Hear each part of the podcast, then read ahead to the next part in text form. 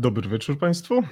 Mamy 12 marca 2021 roku. Mm, ja nazywam się Jacek Borowek, a Państwo oglądacie kolejny już odcinek Nordisk Triget Live. Dzisiaj dla odmiany mm, rozmowa o ratownictwie medycznym i o medycynie ratunkowej. Świadczyć o tym może, może kolor mojej koszulki, gdzie właśnie ta biel przeznaczona jest na obszary medyczne, które są poruszane przez nas w, drugim bloku rozmów. Jak wiemy, często spotykamy się w rozmowach o bezpieczeństwie, a dzisiaj właśnie rozmawiamy o ratownictwie medycznym i medycynie ratunkowej. Dzisiaj bardzo szczególny temat, o którym powiem za chwilkę, ale jak zwykle bardzo serdecznie chciałbym podziękować wszystkim naszym widzom i słuchaczom, wszystkim miłośnikom, wszystkim e, osobom, które biją nam brawo i dopingują i wspierają w promocji naszych wydarzeń. Chciałbym bardzo serdecznie podziękować portalowi Ratownictwo Medyczne Łączy Nas Wspólna Pasja. Jakub, y, dziękuję Tobie bardzo za pomoc medialną, dziękuję za udostępnienie. Jest z nami również Prehospital Blog, który również ustępi, udostępnił post na, nasz, na swoim profilu. Panowie, bardzo Wam dziękuję za wsparcie. Mm, i jest to dla nas y, wielka sprawa. Oczywiście wszystkim prywatnym osobom, wszystkim osobom, y, które prowadzą swoje media społecznościowe, kanały również bardzo za to dziękuję. Drodzy Państwo, dzisiaj mm, temat jest dosyć szczególny i ciekawy. Szczególny dlaczego? Dlatego, że praktycznie cały świat bazuje na tej metodzie mm, i, i, i, trzeba zrobić wszystko, żeby ta metoda docierała do wszystkich medyków na świecie, już nieważne jaką profesję wykonują, czy na pierwszej linii frontu, czy może na tej drugiej, czy może na tej trzeciej, jak się ukazuje. Symulacja medyczna, jej znaczenie mm, z pewnością przez wielu z Was jest już dobrze znane, ale o symulacji medycznej należy mówić we wszystkich możliwych czasach, zarówno kiedy przygotowujemy personel medyczny na etapie kształcenia, kiedy mówimy o tym, kiedy personel medyczny już posiada swoje kwalifikacje zawodowe i możliwości prawne do wykonywania zawodu, oraz również um, etap, kiedy należy okresowo sprawdzać tę wiedzę. Dzisiaj, drodzy Państwo, gościmy trzech instruktorów z pracowni symulacji medycznej Centrum Kształcenia Podyplomowego, Doskonalenia Zawodowego Wojskowego Instytutu Medycznego. Panowie to zarówno ratownicy medyczni, którzy swoją wiedzę mm, zdobywali na linii frontu, zarówno w zespołach wyjazdowych Państwowego Ratownictwa Medycznego, mm, w zespołach specjalistycznych, w zespołach podstawowych, ale również panowie pracowali w oddziałach ratunkowych, w różnych oddziałach, w różnych miejscach, w różnych placówkach. Tak więc jest mi bardzo dzisiaj miło powitać panów, którzy jest, są z nami. Pan jako pierwszy, pan Paweł Wiktorzak. Witam ciebie serdecznie, Pawle. Witam wszystkich, witam ciebie, Jacku. Cześć, y, słyszymy się dobrze? Tak, bardzo dobrze się słyszymy. Fajnie, doskonale. Jest z nami również pan Paweł Oskwarek. Serdecznie witamy na antenie. Witam Was serdecznie również. Jak najbardziej słyszę Was dobrze i mam nadzieję, że mnie również słychać dobrze. Cieszymy się, Pawle, że jesteś dzisiaj z nami. Witaj w Nordistriget Live. No i jest z nami nasz y, trzeci zawodnik y, ekipy Centrum Symulacji Medycznej. Jest z nami pan Szymon Rokicki. Witam serdecznie. Cześć, witam, też mam nadzieję, że mnie słychać. E, miło mi. Cześć, cześć Szymon. Witam w Nordic Triget Live. Bardzo się cieszę, że w końcu nam się udało Was wszystkich zebrać do jednej w jedną całość i choć nie było to łatwe, usiąść i żebyśmy mogli porozmawiać o symulacji medycznej w ratownictwie medycznym i w medycynie ratunkowej. A dlaczego to nie było łatwe? No już pierwszy dowód. Paweł jest dzisiaj na dyżurze, zaczyna zmianę o 19, ale o, o, o, obiecał, że jak przyjdzie wyjazd, to po prostu wyłączy tablet i nie pojedzie. nie, żartujemy. Paweł Oskwarek jest, jest dzisiaj w domu e, i Szymon też chyba jest w domu, tak więc wy chyba tak szybko nie znikniecie, prawda? No nie. Mamy taką nadzieję. Dzisiejszym, autorem dzisiejszego wydarzenia, dzisiejszego spotkania jest Marcin Gbiorczyk, którego serdecznie pozdrawiamy. Marcin ułożył cały scenariusz naszego wydarzenia, ułożył fantastyczne pytania do naszych gości, które będą zadawane na zmianę z pytaniami e, od naszych widzów, których teraz bardzo serdecznie pozdrawiam i już wiem, że zaświeciło się bardzo dużo osób na naszych komentarzach, już te osoby nas z pewnością witają. Za chwileczkę do Was, drodzy Państwo, dotrzemy jest już tam Marcin Gbiorczyk w naszym imieniu wszystkich wszystkich tam y, z pewnością Was przywita. Tak więc y, raz jeszcze oficjalnie. Paweł, witam Cię bardzo serdecznie. Paweł Oskwarek, również Ciebie też witam i jest z nami Szymon, to tak drogą jeszcze y, przypomnienia. No dobrze, witamy panowie. Jak się dzisiaj czujecie? Nie pytam, nie, zadaję, nie zadajemy pytania odnośnie y, wiadomej pandemii, tych wszystkich, bo jesteśmy tym bardzo zmęczeni, ale ogólnie jak się dzisiaj macie, jeśli chodzi o y, taki piękny dzień tygodnia, jaki mamy dzisiaj? No to może Paweł na pierwszy strzał. Na pozytywnie nastawiony, bo przede wszystkim e, bardzo miłe spotkanie i jeszcze raz Was serdecznie wszystkich witam. E, Po, po, po trochę podekscytowany, bo za chwileczkę, tak jak e, Jacek powiedział, za chwileczkę zaczynam dyżur na zespole specjalistycznym na stacji Praga. Mm, No więc e, taki zobaczymy co będzie, co, co przyniesie mi wieczór. Mhm. A jak tam nastroje dzisiaj u naszego drugiego Pawła? Mm, Powiedz mi, Paweł Oskwarek? No ja na razie niestety jestem w domu, siedzę w domu na zwolnieniu z uwagi na to, że mam małego rekonwalescenta w domu. E, Miejmy nadzieję, że nie będę musiał do niego za chwilkę biec. E, Jest ciocia, jest wujek, którzy się nim w tej chwili zajmują. Mam nadzieję, że na spokojnie całe nasze spotkanie sobie mm, prze- będziemy razem. Jeżeli zajdzie taka konieczność i potrzeba, żebyś po prostu musiał y, y, biec do malucha, nie ma problemu, odłóż po prostu słuchawki, wstań, załatw sprawę, rodzina najważniejsza. Zawsze to powtarzam. Y, No i Szymon, jak tam dzisiaj forma? Jak, jak, jak, jak się czujesz? Ja spoko, cieszę się, że w końcu jestem w domu, bo ostatnie 72 godziny u mnie były szalone, więc cieszę się, że mogę w końcu usiąść i mieć gwarancję, że przez półtorej godziny nigdzie się nie będę musiał ruszać. Tego, tego, tego życzę Tobie, sobie i wszystkim naszym widzom, którzy są już dzisiaj z nami. W tym momencie pozdrowiliśmy się. Jest tak, jest już Marcin Gbiorczyk, który tutaj um, kontroluje całą sytuację. Jest już z, z nami wiele osób, które nas pozdrawiają. Podejrzewam, że to są osoby, które znają Was z Centrum Symulacji Medycznej y, z Warszawy. Są to pewnie koledzy i koleżanki z Waszych y, rodzimych stacji ratownictwa medycznego i pewnie z oddziałów, gdzie kiedykolwiek pracowaliście. Tak więc y, bardzo serdecznie Wam, drodzy Państwo, dziękuję, że mm, no, jesteście dzisiaj z nami. I może od razu pierwsze pytanie do naszego y, y, Pawła W. Tak będę się tutaj po, posługiwał ksywami.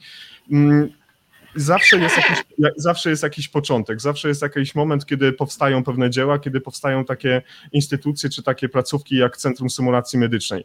Jak to się stało, że żeście tam trafili? Jak to się stało i przez kogo żeście zostali odkryci, by pracować, tworzyć, rozwijać i w taki fantastyczny sposób pokazywać na Centrum Symulacji Medycznej?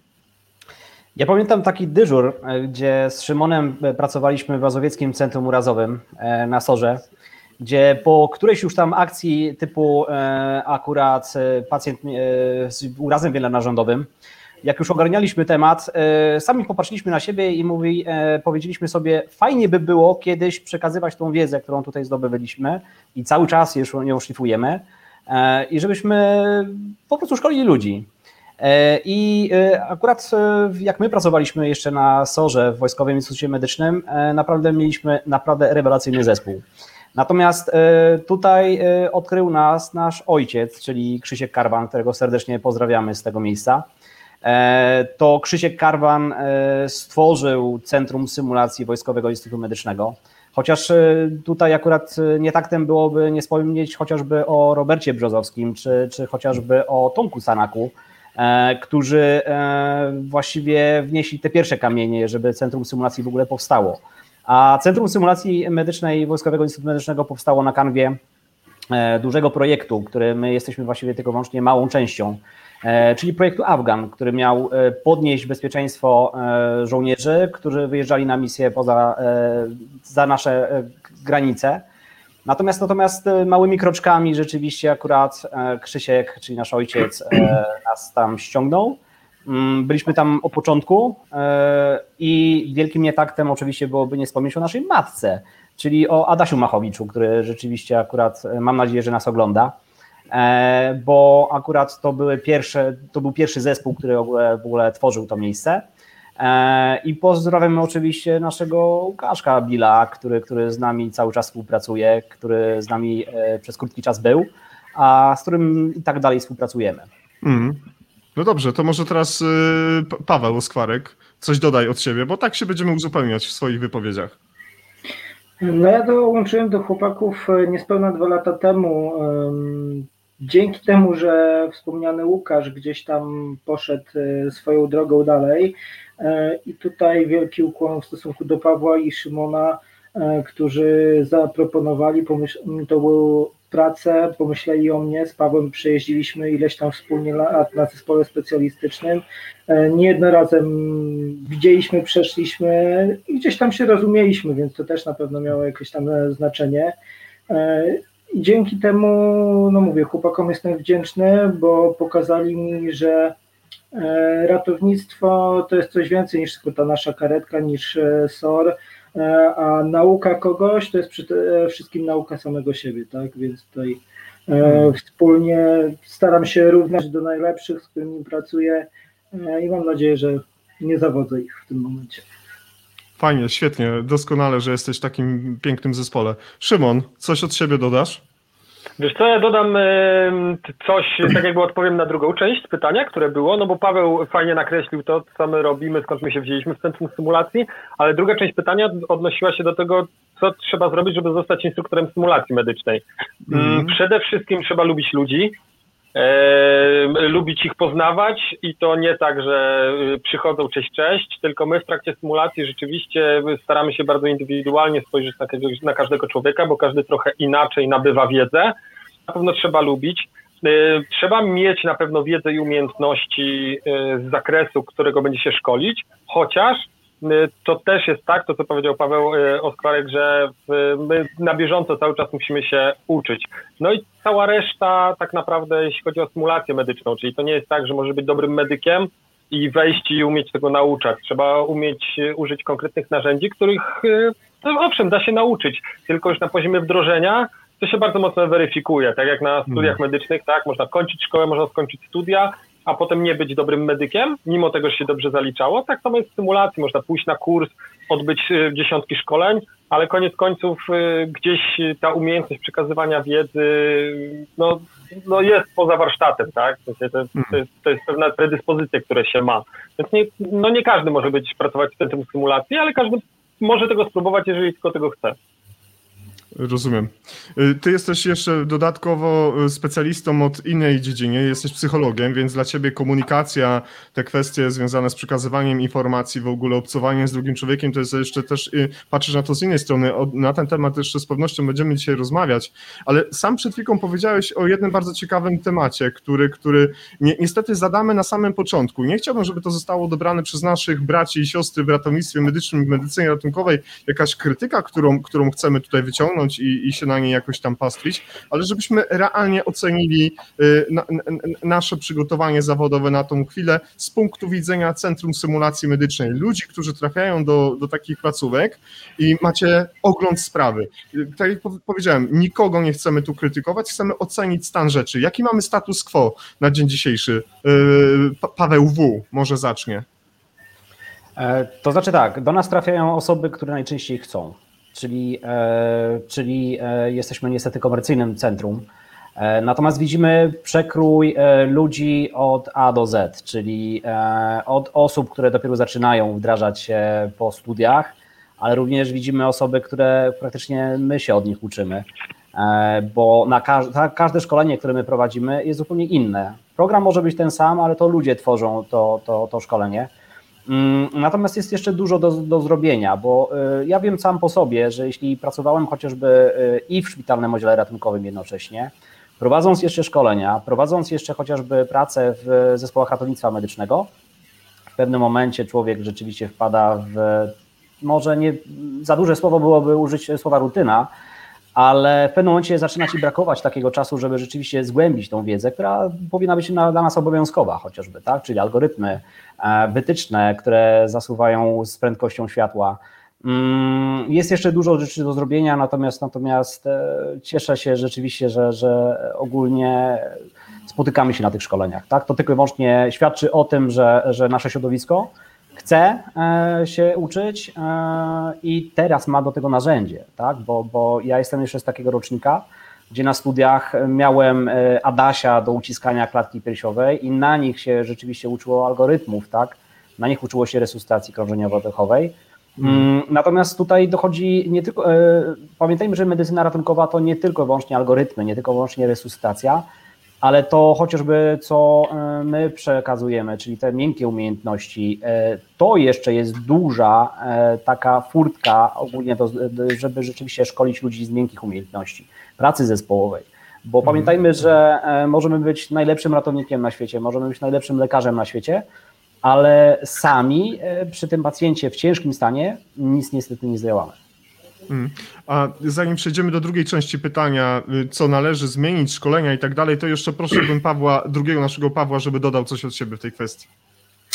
Wiesz co, mm, tak jak ja to widzę, mm, może jako młody, świeży instruktor, y, to jest nauka przede wszystkim z dwóch stron. Zarówno dla nas, o czym wspomniał Paweł, każdy kurs jest inny, każda grupa jest inna i nie ma kursu który by się nam powtórzył. E, my do każdego kursu staramy się przygotować, e, poznać grupę na początku, z którą pracujemy, bo to dużo nam daje, tak? Uważam osobiście, że mm, instruktor powinien znać e, swoje jakieś wady, zalety, natomiast powinien przede wszystkim być szczery. Jeżeli nie zna odpowiedzi na jakieś pytanie, które kursant zada, nie powinien ukrywać tego, przyznać się, E, spróbować mu na przykład na następny dzień odpowiedzieć, być mhm. autentyczny po prostu. Ja przechodząc z zespołu ratownictwa medycznego do chłopaków na kształcąc się w kierunku instruktora, e, dopiero zacząłem odkrywać pewne rzeczy, jak właśnie ważna jest komunikacja w zespole.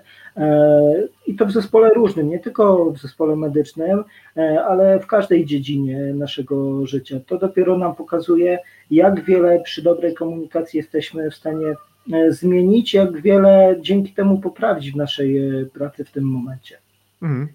A co doda do kwestii w miarę, o, oczywiście jak najbardziej obiektywnego stanu rzeczy związanej z poziomem y, takiej świadomości praktycznej, jeśli chodzi o, o, przede wszystkim ratowników, ratowniczki medyczne, pielęgniarzy, pielęgniarki ratunkowe, którzy trafiają do Was z punktu widzenia oceny Szymona Rokickiego?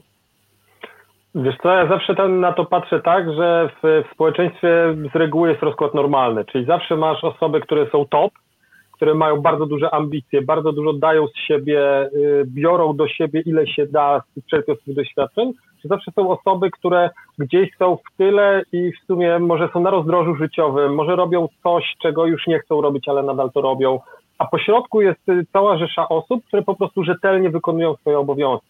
To, co ja najbardziej lubię w y, naszej pracy i w naszym centrum, to to, że my mm, nie kształcimy tylko lokalnie. Tak? Można byłoby się hmm. spodziewać, że będzie do nas przyjeżdżać głównie Warszawa, okolice czy Mazowsze, ale tak obrazowo pokażę, jak jadę na północ Polski autostradą, to za każdym razem jak widzę jakiś zjazd, tu Łódź, tu Kutno, potem Włocławek, potem Grudziądz, wcześniej Toruń, potem Świecie, tak? I jadę przez Polskę i myślę, o, tu przyszkoliliśmy, o, tu szkoliliśmy ludzi, o, tu była fajna ekipa. Kurczę, i tak sobie zawsze myślę, a jak będę mieć dzwon w tym miejscu, to może przyjedzie po mnie akurat ktoś, kogo szkoliłem, o, kim wiem, że to ziarno dostał. I to mi się podoba, bo to pokazuje, że to nie jest tak, że są jakieś ośrodki w Polsce, które y, są lepsze lub gorsze.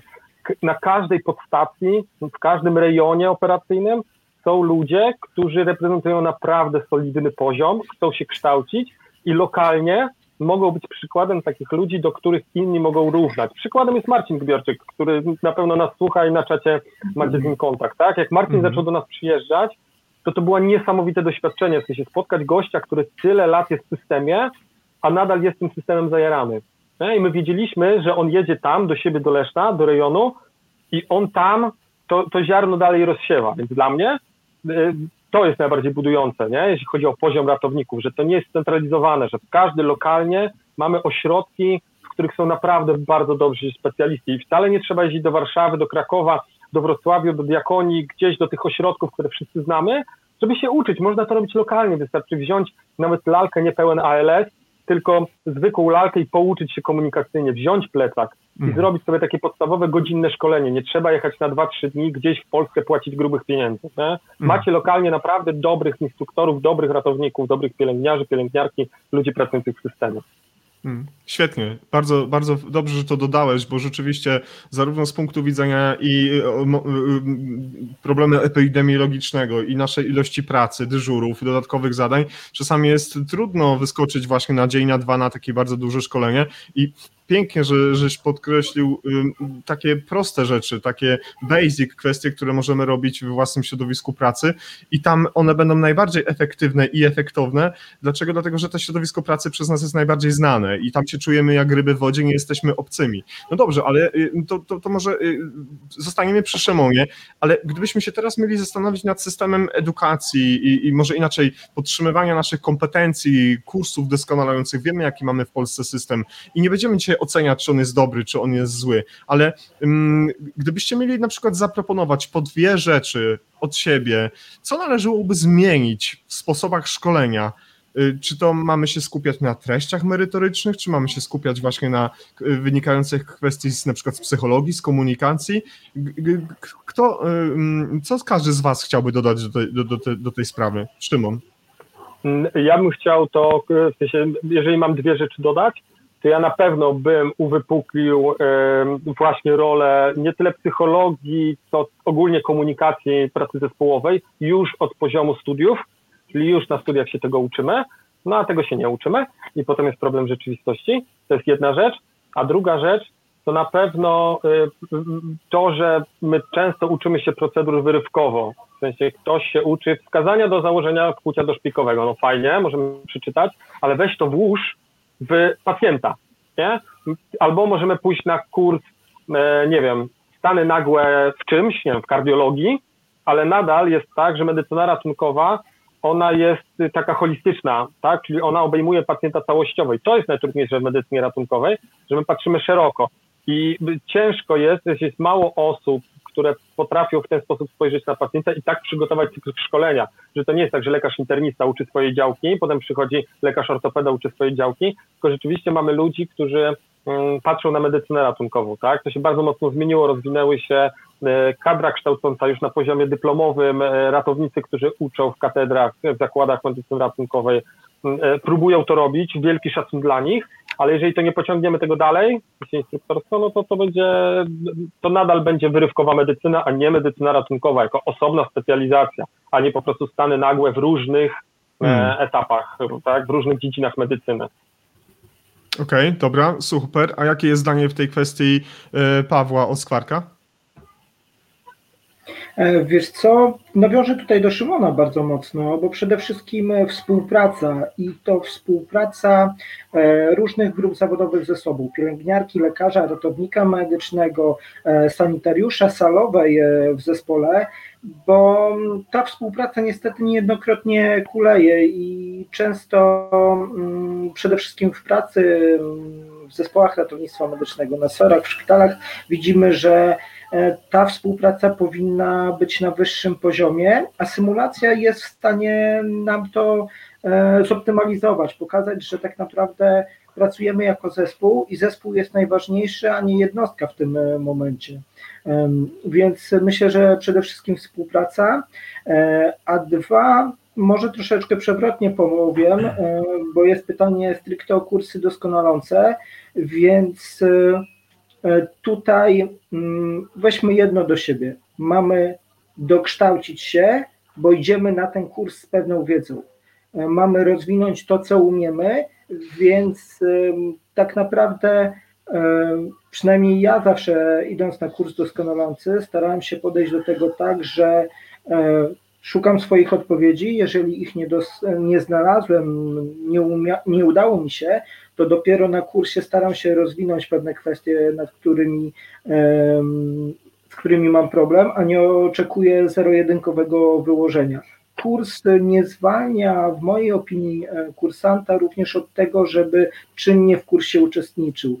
E, kurs ma być e, w mojej opinii miejscem, gdzie wymieniamy swoje poglądy, doświadczenia i rozmawiamy mhm. a nie tylko suchym e, wyłożeniem wiedzy, bo to znajdziemy na internecie bez problemu. Okej, okay, świetnie. Zastosowanie e-platform, kształcenia, samokształcenia, wszystkich tych narzędzi, które szczególnie w obecnej okresie pandemii mo mo moglibyśmy wyliczać dziesiątki, setek, jest bardzo dużo. E, to jeszcze teraz proszę Pawła, żeby dodał to od, od siebie swoje, swoje propozycje na to, e, co by mogło się zmienić albo co powinno się zmienić.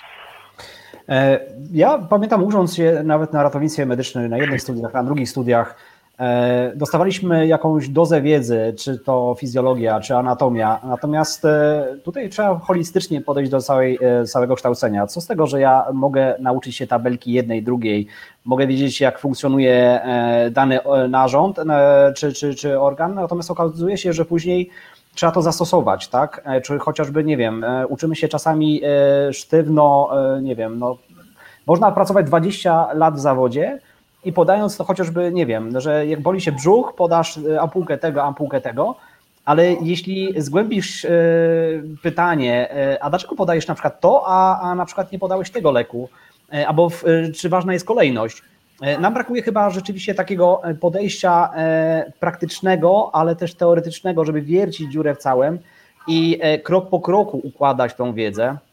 A my mamy, mam wrażenie rzeczywiście, że czasami rzucani jesteśmy na taką głęboką wodę, czyli skupiamy się w dużej mierze na algorytmach, skupiamy się w dużej mierze rzeczywiście na e, suchych e, gdzieś tam jakichś tam procedurach, ale nie zastanawiamy się, e, dlaczego tak jest, tak? No i tego mi chociażby brakuje. Wiem sam po sobie, jak chociażby wdrażam się rzeczywiście cały czas, uczę się za każdym razem gdzieś tam jakichś nowych rzeczy, a po drugie, e, chociażby naszymi odbiorcami e, szkoleń pamiętajmy, że nie są tylko wyłącznie medycy e, cywilni, ale też medycy wojskowi i, i no, praktyka tutaj chociażby, tak?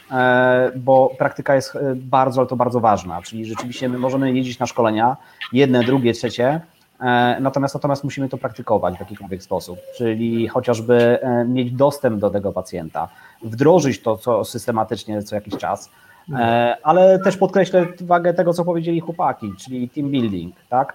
E, uczyć od zalążka, że salowa, sanitariusz, e, ich, jeśli ich, nie, ich zabraknie w zespole, to my praktycznie przy tym urazie wielonarządowym czy przy resuscytacji krążeniowo-dechowej nie zrobimy kompletnie nic.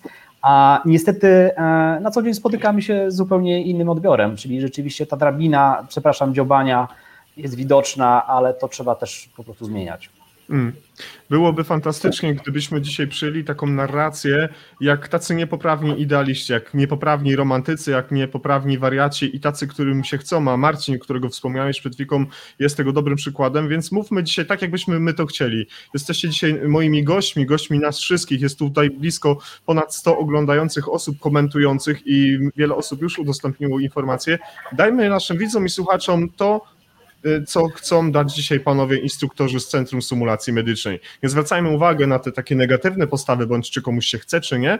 Y, bądźmy daleko od tego. Róbmy swoją dobrą medycynę, kropla do, drąży skały, jak to Gbiorczyk czasami yy, nam podpowiada, wciska do głowy. Myślę, że to są dobre postawy. Nie wiem, ja się, ja się lubię z nimi utożsamiać.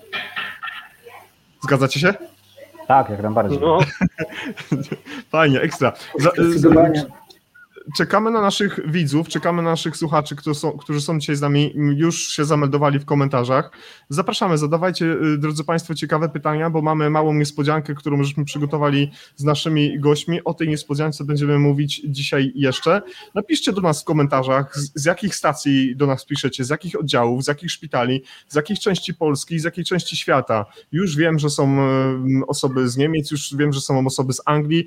Ja osobiście pracuję na co dzień w systemie skandynawskim, skandynawskim, więc też jestem gdzieś tam z kosmosu. Tak więc y, zachęcamy do rozmowy z Marcinem. Marcin tam moderuje tę rozmowę i bardzo będę się cieszył, jeżeli, drodzy Państwo, będziecie nas tutaj y, odwiedzać i bardzo mocno sobą niepokoić. Zanim y, zacznie się 19, jeszcze pół godziny nam zostało, to pozwólcie zarówno Paweł O i Szymon R, że się tak wyrażę, pozwólcie, że zadam jeszcze pytanie, które bezpośrednio będę kierował do Pawła, ale też bardzo bym chciał, żeby się y, panowie też do tego odnieśli. Y, byłeś w USIA, byłeś w odpowiedniej misji, robiłeś odpowiednie zadania. I tutaj konkretne pytanie, jakie chciałem y, tobie zadać. Paweł Wiktorzak, byłeś za oceanem, za oceanem, aby zobaczyć, jak funkcjonują szpitale w Stanach Zjednoczonych. To te szpitale tymczasowe. Co możemy implementować, rozwiązania techniczne, sposób komunikacji, procedury bezpieczeństwa. Ja nie chcę oceniać stanu rzeczy w Polsce, jestem daleki od tego, nie, nie chcę. Chcę, żebyśmy dali tutaj ciekawe propozycje na rozwiązania, które ty żeś zaobserwował, a panowie, jeżeli mieliby ochotę jeszcze coś dodać, proszę uprzejmie. W Stanach Zjednoczonych na mnie e, zrobił e, wrażenie przede wszystkim rozmach, tak? czyli chociażby w stanie, e, w samym Chicago, w, w takim olbrzymim centrum McCormick powstał szpital, gdzie rzeczywiście na 3000 łóżek z bardzo fajnym systemem próżniowym, jeśli chodzi o kwestię związaną z zapobieganiem dostania się brudnego powietrza i tak dalej, i tak dalej. Mhm. Natomiast my, e, my poniekąd e, zaimplementowaliśmy te doświadczenia, czy chociażby w szpitalu na Okęciu, czy chociażby w szpitalu modułowym, który powstał przy szaserów. E, poniekąd nawet przeskoczyliśmy pewne idee, które w Stanach Zjednoczonych gdzieś tam zauważyliśmy. Natomiast na mnie wrażenie, natomiast miejsce to jest miejsce, natomiast na mnie wrażenie zrobiło jedna rzecz. Jak odwiedziliśmy jeden ze szpitali, który nawet nie był covidowym szpitalem, Natomiast tam centrum symulacji e, było obowiązkowym, obowiązkowym e, punktem e, pracy normalnego szpitala, czyli dany oddział miał wyznaczony termin na to, żeby rzeczywiście cały oddział, łącznie z ordynatorem, łącznie z profesorem, przyjść do takiego miejsca i ćwiczyć procedury, ćwiczyć nie tylko łącznie same procedury medyczne, ale symulacja medyczna pozwala im również na to, żeby chociażby, nie wiem, jak kupują nowe łóżka, E, żeby okazało się, że, że te łóżko na przykład nie nadaje się do tego, bo nie wjadą do windy, czy nie przejadą przez mm. chociażby e, drzwi. Tak? Jasne. Dla mnie to na największe wrażenie zrobiło, bo szczerze mówiąc, e, pandemia pokazuje, że my się wszyscy uczymy pewnych kwestii, tak? Budowania szpitali modułowych, to co zrobił Jacek Siewiera, Szapoba ogólnie, bo szczerze mówiąc, rozwiązania, które rzeczywiście zostały gdzieś tam u nas zastosowane, są dużo lepsze czasami. Natomiast, natomiast tutaj akurat dla mnie wrażenie zrobiła ta część szkoleniowa, że to jest po prostu dla nich obowiązek i przyjemność, bo e, tam rozumieją jedną kwestię, że jeśli personel się nie szkoli e, systematycznie, to oni nie mają pacjenta, oni nie mają klientów, po prostu e, mhm. idą do innego szpitala, gdzie ten personel się szkoli. A tam, można, e, a tam można po prostu szkolić e, się nie tylko właśnie z samej medycyny, z samych procedur, tylko po prostu najprostszych rzeczy, komunikacji, ergonomii pracy, i tak dalej, i tak dalej. A epidemia ewidentnie to pokazuje, chociażby, nie wiem, przećwiczenie zakładania środków ochrony indywidualnej, e, czy przećwiczenie procedur medycznych, czy, czy e, sprawdzenie chociażby kwestii rozwiązań na przykład z intubacją, e, czy innymi rzeczami. Tutaj symulacja rzeczywiście akurat u nich jest normą i, i to powinniśmy wdrażać. Okej, okay, dobrze. Paweł, Paweł Oskwarek, odniesiesz się do tego może jeszcze? Wiesz co, to co Paweł wspomniał, tak, czyli że mm, personel jest świadomy tego, że się musi kształcić, chce kształcić i wykorzystuje do tego możliwości, które szpital daje, to co to, o czym my możemy tak naprawdę i wdrażamy, żebyśmy my mogli jeszcze więcej dawać dla naszej placówki niż obecnie. Wychodzimy z, z inicjatywami e, i chyba pokazanie tego, że Mm, w Ameryce Amerykanie to rozumieją, e, tą podstawę nieustawicznego kształcenia, e, że żeby nie stać w miejscu, iść do przodu i że trzeba po prostu tylko chcieć, tak? A mhm, jeżeli się mhm. chce, chce, to już dalej jest to pierwszy bardzo ważny krok, który trzeba wykonać. Szymon, czy ty byś chciał y, coś dodać, czy ja mogę zadać tobie odrębne pytanie, które wydaje mi się, że jesteś niezłym odbiorcą, jeśli chodzi o te kwestie? Możemy wejść w nowe pytanie. Dobrze. Yy, z jakimi. Oj, czekaj, to nie to pytanie. To pytanie. I jako psycholog, i jako instruktor, i jako medyk, i jako zwykły człowiek w relacjach międzyludzkich, obserwując to środowisko od wielu lat, bo robisz to, co należałoby zmienić w pracy medyków, nas, aby poprawić ogólne bezpieczeństwo pacjenta rannego i naszych osób, z którymi pracujemy? Czy to mamy się tylko i wyłącznie skupiać na procedurach, które są przepisane do konkretnego zdarzenia? Czy ty, jako specjalista zajmujący się jeszcze innymi rzeczami, mógłbyś nam coś podpowiedzieć, pomóc nam, żeby łatwiej radzić sobie z tymi sytuacjami? Mhm. Wiesz co, y, pójdę od y, rzeczy bardzo idealistycznej, bo tak, y, taki wstęp zrobiłeś, a potem zejdę trochę na ziemię. Ja jak sobie rozpisuję, rozpisałem sobie takie koło, co, co rozwija symulacja medyczna jako taka, to również sobie jako jedną część tego ciasta dałem kultura pracy. I myślę, że w, w, tym kontekście bardzo bezpieczeństwo tego poszkodowanego na pewno podniosła kultura pracy w tym sensie, że mm, w tym momencie jako ogniwa systemu nie do końca sobie ufamy, nie do końca sobie zawsze wierzymy, E, nie do końca traktujemy się poważnie i na poziomie ogniw systemu typu ZRM, a wcześniej na przykład PSP, e, e, jako Straż Pożarna czy OSP, różne ogniwa systemu, różne służby, my nie traktujemy siebie poważnie.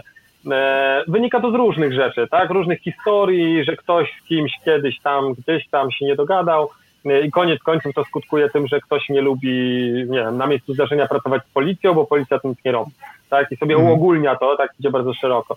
Więc myślę, że gdyby się poprawiła taka kultura pracy, która by, która się oczywiście też zależy od naszej wiedzy, umiejętności, całej reszty, to to na pewno by podniosło, bo to by nam pozwoliło też trochę łatwiej pracować, po prostu otworzyć się na siebie nawzajem zobaczyć, że my siedzimy w tym systemie, po środku tego systemu jest pacjent, bo o tym nie należy zapominać, i że my jesteśmy po to, żeby temu pacjentowi pomóc, tak? Cała reszta, która jest, no to, no to owszem, jest, ale po środku jest pacjent. A schodząc na ziemię z ideałów typu kultura pracy, którą bardzo ciężko zmienić, to tak naprawdę używanie prostych narzędzi, odwoływanie, zrozumienie tego, że używanie algorytmów, akronimów, skrótowców, zbitek nie jest y, dowodem głupoty czy ograniczenia w myśleniu. Nasz mózg działa w ten sposób, że my mamy ograniczoną zdolność przetwarzania danych i jej nie przeskoczymy. Więc mhm. musimy oddawać czasem w ręce algorytmów, czy właśnie prostych akronimów, czy aplikacji, sięgać po różne rzeczy, żeby odciążać nas, nasz mózg, e, skutecznie udzielając, e, skuteczniej udzielając pomocy. Jeżeli na to się też mocno otworzymy, a to jest proste akurat, tak? Wystarczy zainstalować sobie dowolną aplikację na telefonie dotyczącą, nie wiem, przeliczania dawek leków u dzieci i, i już mamy kupę roboty za sobą. A niektórzy myślą, że jeżeli sięgasz po coś, to no jak to nie wiesz? No mhm. wiem, ale w tym momencie szybciej będzie mi sprawdzić, tak? Niż domyślać się albo ryzykować błąd. Mhm. Wyciągam aplikację, co robię. Dlatego wydaje mi się, że ogólnie korzystanie właśnie z różnych pomocy naukowych, do tego nie jesteśmy nauczeni i nadal jest to w niektórych miejscach traktowane jako o, w trakcie resuscytacji gra na telefonie albo plama na honor, żeby się nie nauczył, tak? Ale za to mhm, spędził ileś tak. godzin więcej z manekinem i potrafi sprawniej wykonać praktyczną rzecz. A co doda do mhm. tego y, y, Paweł W nam w tej kwestii? E, to znaczy tak. E, ja w sumie też rzeczywiście potwierdzam to, co, co powiedział Szymon. Tutaj, tutaj nic dodać, nic ująć, bo tu, tutaj szczerze mówiąc to jest kwintesencja tego. E, praca na algorytmach, praca na, na e, rzeczywiście akurat chociażby e, w kwestiach aplikacyjnych, tak, aplikacja czy, czy jakiekolwiek podpowiedzi, to nam rzeczywiście daje tutaj akurat e, dobre rozwiązania e, i, i bardzo chociażby fajnie to pokazuje rzeczywiście, że no, musimy iść z duchem czasu, musimy rzeczywiście akurat korzystać z tych dobrodziejstw, które akurat no, nie tylko wyłącznie, no, te drzwi już zostały raz otwarte.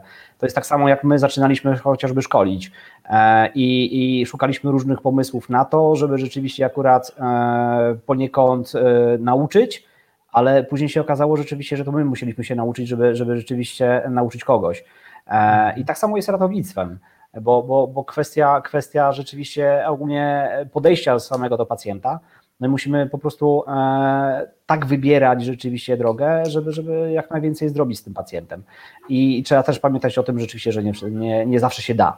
I to też musimy sobie to w głowie poukładać to szczególna taka trochę może bolączka wszystkich nas, kiedy żeśmy y, zaczynali tę drogę, ale myślę, że chyba nadal jest tak, że zawsze mamy z tyłu głowy jakiś y, y, zapas takich wątpliwości, czy jakiegoś takiego złego odczucia, kiedy ta, to, to zadanie nie zostanie wykonane tak, jakbyśmy chcieli.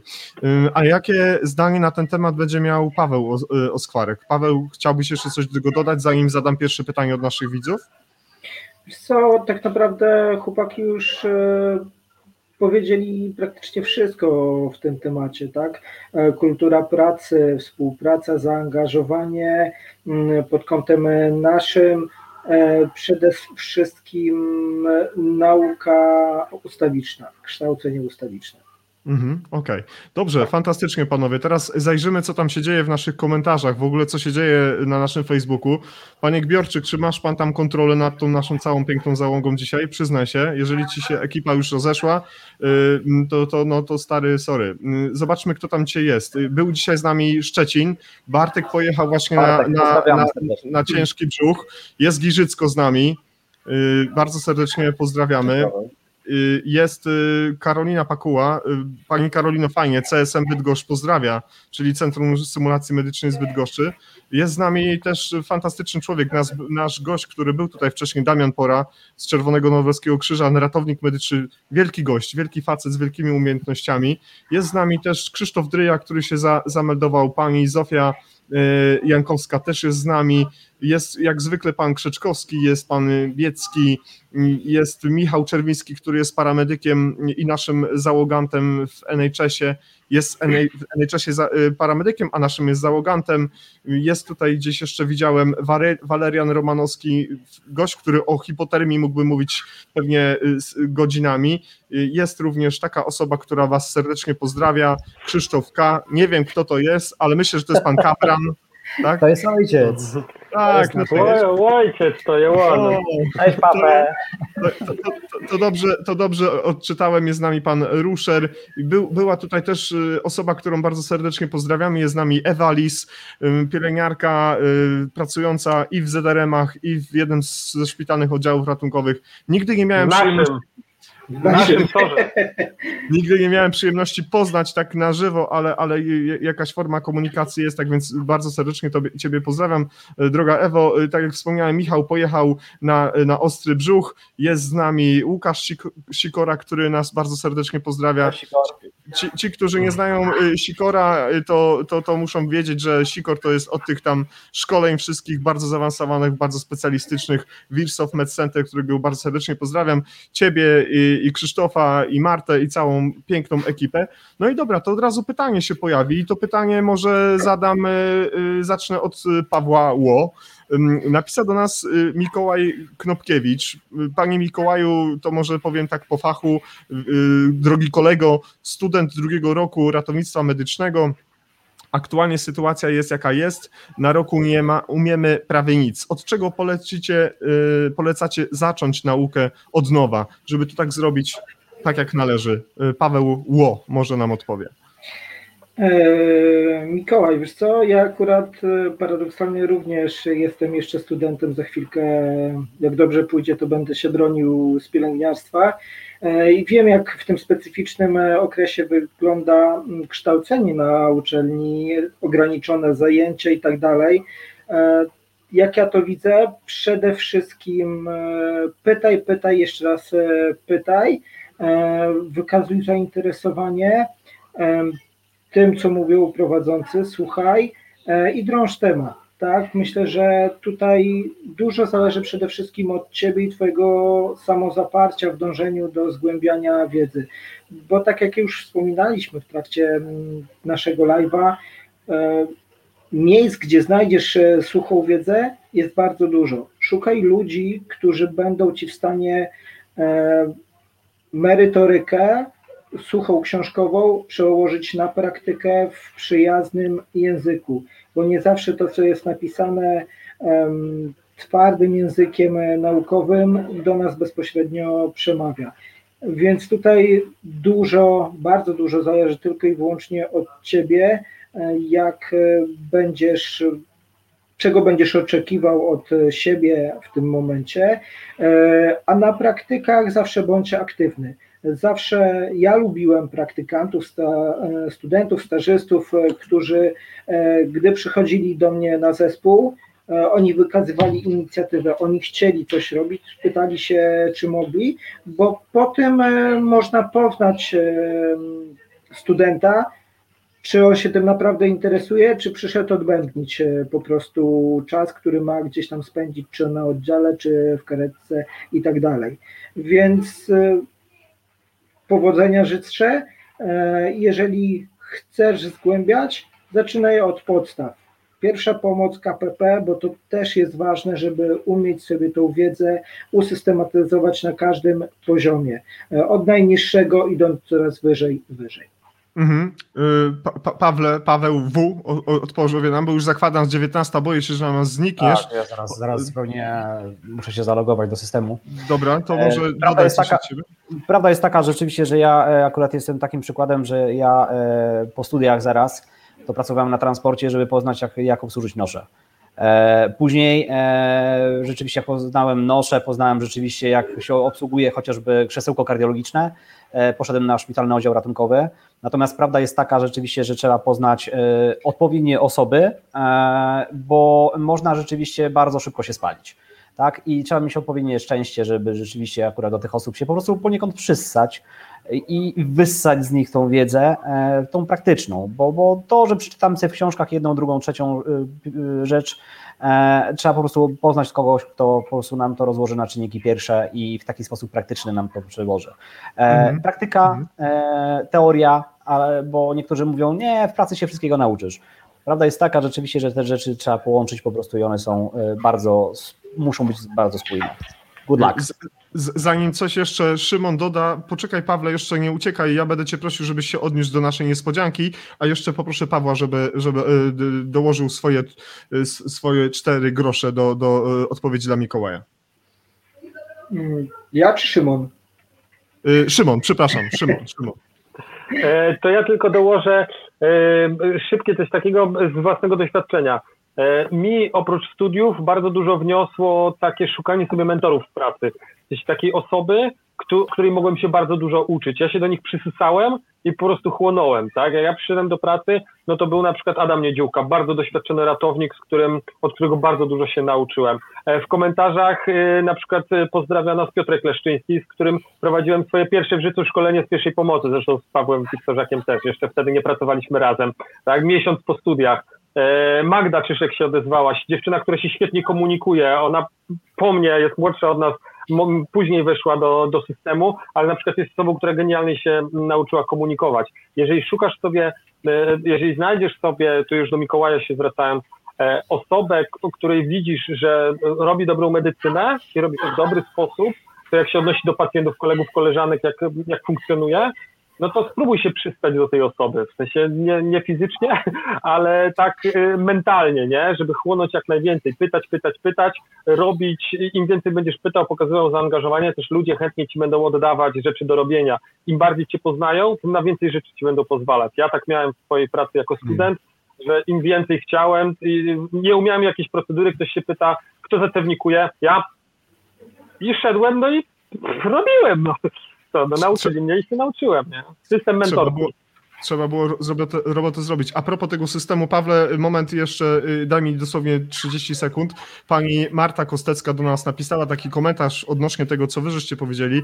U, u nas na Uniwersytecie Zielonogórskim, jak myślę, praktyk y, prawie nie ma. Zaczynamy właśnie odrabiać semestr zimowy w, po wielomiesięcznej przerwie. Uzupełniam i nadrabiam je przed dyplomem wolontariatem w szpitalu. Akurat teraz rąk do pracy mało, a ja dodatkowo trafiłam na fantastyczny, wspierający zespół, więc i tobie polecam. Tak więc dziękuję Pani Marto mm, za, te, za, za ten komentarz i do dodanie tego, do, do, do tego komentarza eksperckiego, jaki się pojawił od naszych panów, od Pawła, drugiego Pawła i Szymona. Y, Paweł Wiktorzak, mamy niespodziankę dla naszych widzów dzisiaj. I, I, ja bym chciał, żebyś o tej niespodziance nam powiedział, a ta niespodzianka to jest bardzo fantastyczna rzecz, bo to jest International Emergency Medical Course realizowany przez pracownię symulacji medycznej Centrum Kształcenia Podyplomowego Doskonalenia Zawodowego i Symulacji Medycznej właśnie Wojskowego Instytutu Medycznego i wyrobić takie kursy i teraz prosiłbym Cię, żebyś powiedział o tej niespodziance. Co to za niespodzianka jest? Tak, 12-13 kwietnia e, odbędzie się u nas Internal Emergency Course. E, to jest nasz autorski kurs, e, który poświęcony jest w dużej mierze zagrożeniom internistycznym. Od obrzęku płuc po POHP, astmę ostrzelową i inne wszystkie rzeczy, które do, tych, do których najczęściej jeździmy. I od Centrum Symulacji Medycznej przeznaczamy trzy zniżki po 150 zł każda, czyli, czyli rzeczywiście no, kto zdecyduje się na ten kurs, ma 150 zł zniżki e, na wejście. Uprzejmie dziękujemy i zrobimy to w ten sposób. Zrobimy to dokładnie tak samo, kiedy było ostatnie spotkanie z Piotrkiem Strzeżyszem. Dostaliśmy od Piotka y, trzy książki. Y, w, po audycji wrzuciliśmy wszystkie osoby do maszyny losującej i osoby, które zostały wygenerowane, cyfry, które zostały wygenerowane przez te, ten program, wcześniej były nadane odpowiednie liczby, dostaną informację o tym, że otrzymały taki upust, taki rabat, taki deal od chłopaków. Tak więc Paweł, bardzo serdecznie dziękuję za, za, za, za ten prezent, za ten upominek. Jest szansa, że jeszcze dzisiaj do nas wrócisz?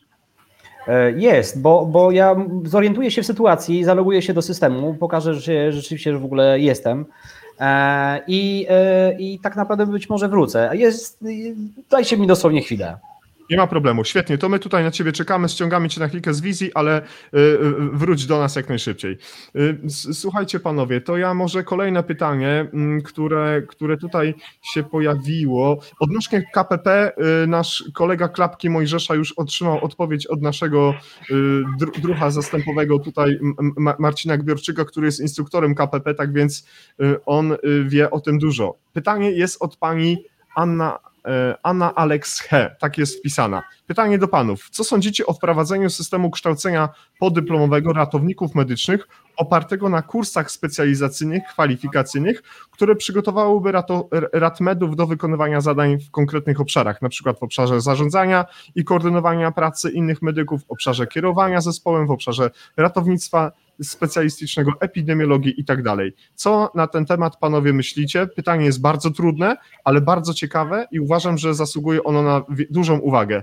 Y, to może zaczniemy od Szymona? Spoko.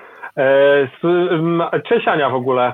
E, pytanie o tyle zasadne, bo y, trochę zajmujesz się y, ogarnianiem trzody, że tak powiem, w swojej jednostce monowskiej, jeśli chodzi o ratowników medycznych. E, ja to widzę tak, że to wszystko y, powinno mieć miejsce, tylko to wymaga zmiany struktury trochę naszego zawodu. Bo, zobacz, bo zobaczcie, że my kończymy studia trzyletnie i tak naprawdę możemy robić bardzo różne rzeczy w systemie. Tak, możemy pracować na dyspozytorni, możemy pracować y, w centrach zarządzania kryzysowego, E, poza systemem możemy w różnych jednostkach pracować. No i nagle może się okazać, że w sumie robimy pracę, do której w obrębie trzyletnich studiów nie do końca byliśmy przygotowywani. Więc moim zdaniem powinno, powinniśmy w ogóle zreformować e, proces kształcenia podyplomowego ratowników medycznych.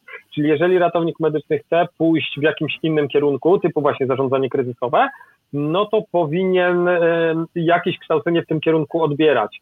Czy to będą jakieś kursy specjalistyczne, kwalifikacyjne, czy niektórzy pewnie na pewno tak robią, odpowiedzialnie podchodząc do, e, do tego typu wyzwań, idą na przykład na studia podyplomowe związane z bezpieczeństwem wewnętrznym, zarządzaniem kryzysowym i tak dalej.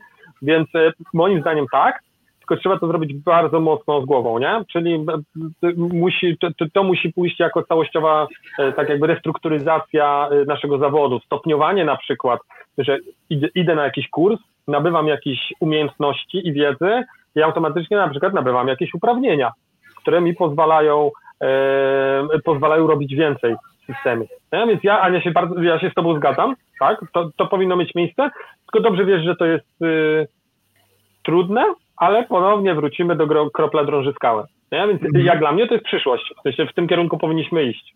Mhm, Okej. Okay. Pawle, czy y, Paweł Oskwarek, życzysz sobie, żebym jeszcze raz wkleił to pytanie, czy wszystko pamiętasz? E, wiesz co, może wszystkiego nie pamiętam, ale postaram się do pytania Ani odnieść e, w miarę. E, przede wszystkim musimy zwrócić z mojej perspektywy na jedną rzecz uwagę. Ratownik medyczny moim zdaniem jest już stricte specjalistą w tym, co robi. Kiedyś gdzieś tam przez internety przewijały się różne pomysły odnośnie, żeby był e, ratownik medyczny pediatryczny, ratownik medyczny taki, wypadkowy, urazowy. My jesteśmy specjalistami, szeroko, w bardzo szerokiej dziedzinie, ale specjalistami. E, jeżeli chodzi o kursy, tak jak najbardziej one są potrzebne, one pozwalają nam e, przede wszystkim poznać procedury, które powinniśmy umieć wykonywać, a nie oszukujmy się z tym niejednokrotnie mm, bywa różnie, bo mm, tak jak ostatnio mieliśmy jeden e, kurs i akurat tutaj z kliniką, którą robiliśmy, specjalista, który nam pomagał, pracował ponad 15 lat w zawodzie, a dopiero pierwszy raz tą procedurę chwilę przed naszym kursem musiał wykonać, tak? Więc to pokazuje, że mm, oprócz tego, że my się tego nauczymy na kursie, musimy mieć gdzie to wykorzystywać. Jeżeli spojrzymy na przykład przez pryzmat wojska, to ratownik medyczny, który pracuje w wojsku, on powinien również praktykować przede wszystkim e, w jednostkach medycznych na co dzień. E, on się nie może e, ograniczyć tylko i wyłącznie do kursu, gdzie dostanie certyfikat ukończenia, że super, umiesz to zrobić i gdzieś tam na przykład wróci i nie będzie mógł później tego w żaden sposób wykorzystać w tym momencie, bo kurs, zrobienie kursu dla papierka niestety nic nam nie da.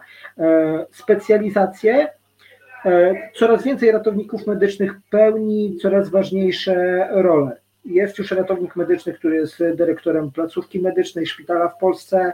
E, są ratownicy medyczni, którzy są rzecznikami prasowymi, więc wychodzimy w te inne dziedziny.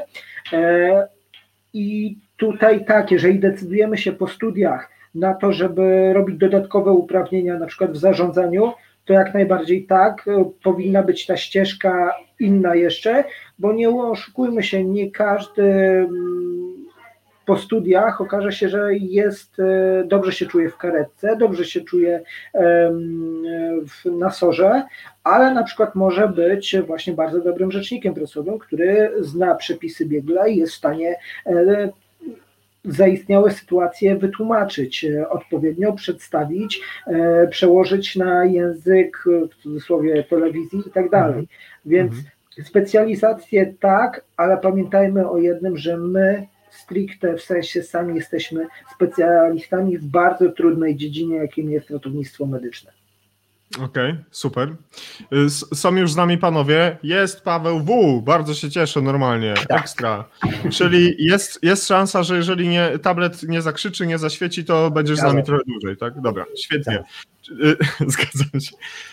Pytanie y, było związane mm, z. Widziałeś. Czy chciałbyś jeszcze tak. coś dodać od siebie?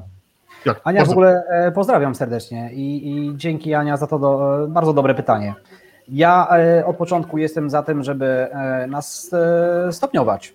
Czyli nie może być tak rzeczywiście, że przychodzisz praktycznie na, po studiach i jesteś ratownikiem. Paweł, owszem, zgadzam się z Tobą, że jesteśmy jakimiś tam specjalistami, natomiast nie da się być specjalistą we wszystkim. I, I, kwestia tego typu rzeczywiście, że, że gdybyśmy byli tak naprawdę, ja pamiętam jak nam wpajano na anestezji kiedyś, na zajęciach, że to anestezjolodzy na, e, nas porównywali rzeczywiście ratowników medycznych i anestezjologów do takich komandosów medycyny. E, e, I z tym się zgodzę. Natomiast, natomiast każdy z komandos również ma swoją specjalizację i, i szczerze mówiąc tutaj, gdybyśmy rzeczywiście skupili się na dokształceniu pewnych osób, ratowników medycznych chociażby, to danych specjalizacji, czy chociażby epidemiologiczna, która teraz akurat wybitnie pokazuje, że jest potrzebna, e, czy kiedykolwiek e, myśleliśmy o tym, że epidemiologia może nam się przydać? No, ra, raczej nie. Natomiast, natomiast no, e, COVID mówi, potrzymajcie mi piwo i, i pokazuje nam rzeczywiście, że, że to jest idealna sprawa. Jeśli chodzi o kwestię związaną z, z pewnymi rzeczami, chociażby z zakresu chociażby tego, co tutaj Sikora serdecznie pozdrawiam, z takiej dziedziny chociażby e, świat już w to poszedł, czyli e, chociażby zespoły hard, czy, czy chociażby to, co się dzieje w Stanach Zjednoczonych. Gdybyśmy my w tym momencie, no z całym szacunkiem odpowiadam rzeczywiście tutaj na, na kwestię chociażby Magdalenki, ale gdyby teraz taka sytuacja się miała, miała miejsce, ile osób miałoby z nas systemu pojęcie, jak zachować się w takiej sytuacji, tak? jak nie wejść chociażby w strefę, E, czy, czy jak zachować się chociażby z bronią.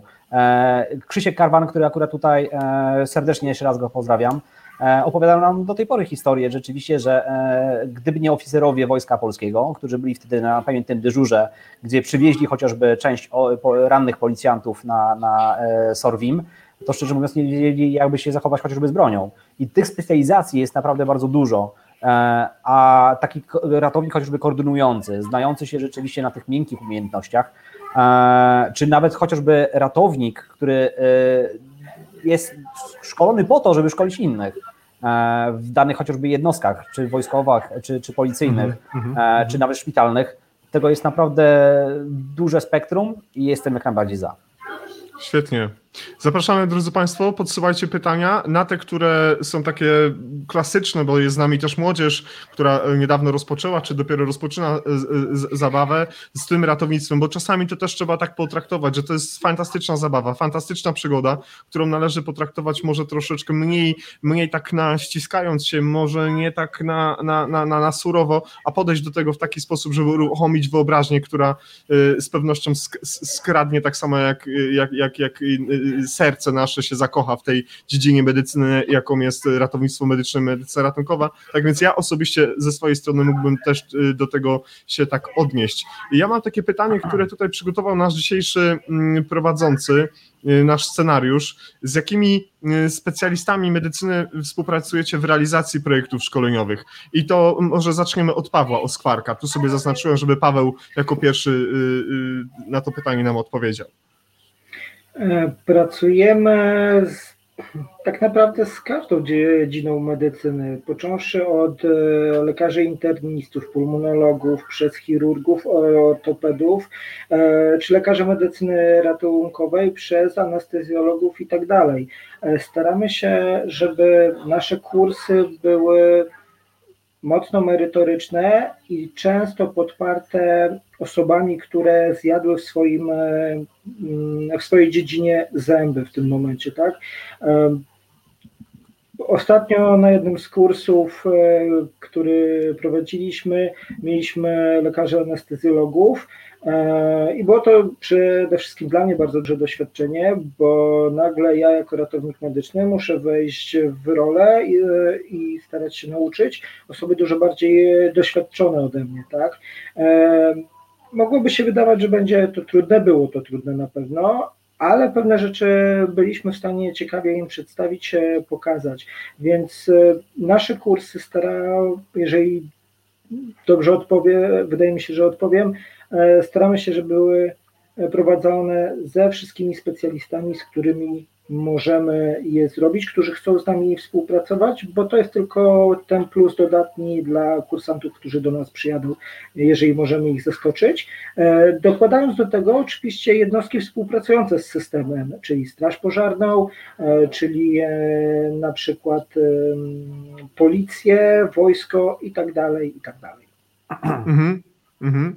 Szymonie, coś dodasz do, do tej kwestii i jak, jak, jakie to ma znaczenie z punktu widzenia znowu psychologii, współpraca z szerokim spektrum specjalistów? Mhm. E, powiem tak, my y, zawsze to powtarzamy, że my, y, jeżeli sami prowadzimy kurs, to wtedy prowadzimy kurs z zagadnień, na których się znamy. Jeżeli się na czymś nie znamy, to nie prowadzimy z, tego, y, z tych zagadnień kurs. Jeżeli przyjeżdżają do nas żołnierze na szkolenie, to my na wstępie im mówimy, słuchajcie, u nas nie będzie wojny, u nas nie będzie taktyki, nie będzie wojska, u nas będzie medycyna. A to, co wy sobie z tej medycyny, której my was nauczymy, weźmiecie do swojej pracy, to musicie w swoim gronie sobie zaimplementować. Jeżeli już w szkolenie na przykład chcemy włożyć elementy taktyki, czy e, już zaimplementować do szkolenia wojskowego, no to zatrudniamy instruktora, który się na tym zna, który był, który kopał drzwi, strzelał, był na misjach zagranicznych. I tak samo analogicznie do każdej dziedziny medycyny.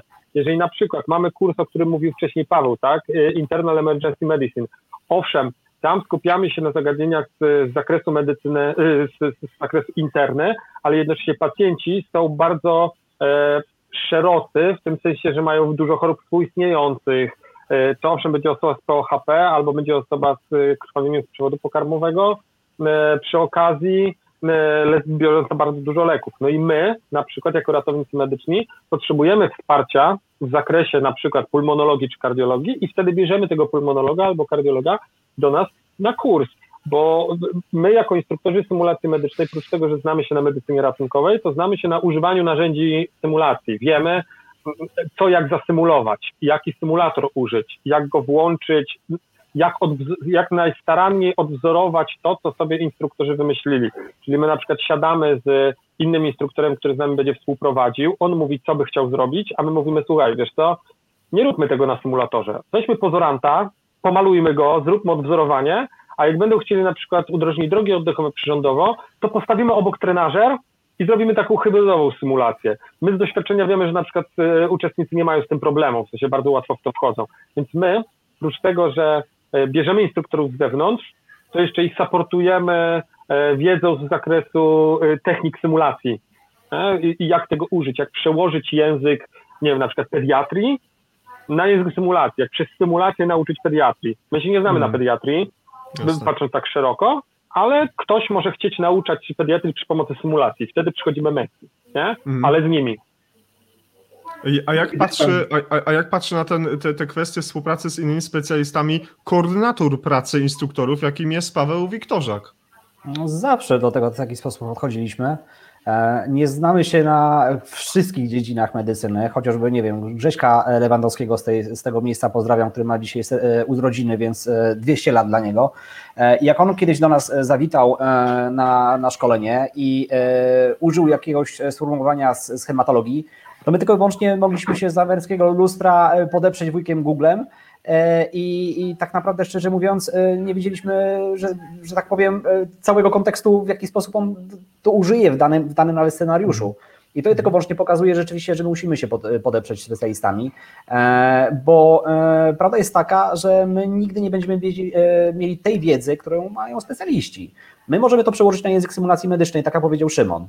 E, pamiętny e, akurat e, kurs chociażby dla chłopaków i dziewczyn z Cieszyna i z Bielska, gdzie poprosiliśmy chociażby pirotechników, gdzie poprosiliśmy chociażby grupę wolontariuszy, która akurat pokazała nam kaski motocyklowe, czy, czy wszelkie maści współpraca z systemem, czy chociażby ze strażą pożarną, czy z policją, jak rozebrać chociażby e, rannego policjanta, jak zabezpieczyć broń, jak roz, dobrać się chociażby do, do rannego komandosa, który ma na sobie kamizelkę.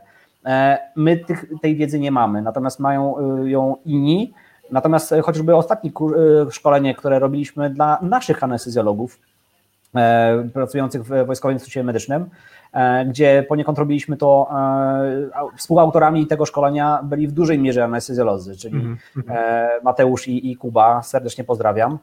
Oni w pewnym momencie też musieli przejąć tą pałeczkę chociażby kwestii związanej z instruktorką i technikalia są bardzo proste, bo, bo chociażby obsłużenie Simmana na, na systemie komputerowym jest bardzo proste. Natomiast przeprowadzenie ich przez debriefing, który jest najważniejszą częścią symulacji medycznej, to już jest zupełnie inna para kaloszy i, i mm. wtedy my wkraczamy po prostu ze swoją pomocą. O tym debriefingu ja jeszcze dzisiaj będę y, y, chciał z Wami porozmawiać, bo wiem, że Marcin y, zakochał się w definicji debriefingu. Mówimy o Marcinie Gbiorczyku i, i, i, i dla mnie też jest to chleb taki powszedni w mojej, mojej pracy w tym systemie, w którym ja, ja pracuję, ale to za chwileczkę. To może od razu zadam takie pytanie, mm, albo inaczej. Panowie, w momencie, kiedy czekacie na jakby na swoją kolej, zaglądajcie proszę do pytań, które się pojawiają. Przed chwilą pojawiło się pytanie odnośnie porównania systemów polskich z zagranicznymi, jeśli chodzi o ratownictwo medyczne. Pani Patrycjo, proszę wybaczyć, dzisiaj chyba się temu nie, tym nie będziemy zajmować, bo to jest temat rzeka, ale tutaj y, Szymon napisał, że jakiś czas temu Tomek na Prehospital Blog wrzucił takie porównanie, ale na pewno odniesiemy się do Pani pytań po zakończeniu y, y, naszego dzisiejszego spotkania. Proszę zatem może skierować swoje, swoje zapytania w kierunku symulacji medycznej, bo ona jest dzisiaj naszym priorytetem. No to jak się przygotowujecie do kursów? Do, do szkoleń? Robicie to, jak się tu mówi, na, na czapę? Czy, czy, czy, jest to po prostu totalne szaleństwo, improwizacja i, i nie wiem, dzień wcześniej siedzicie przy butelce dobrego y, Chardonnay i mówicie, a jutro polecimy dopiero. Jak to wygląda? Może zacznijmy od y, Pawła Oskwarka.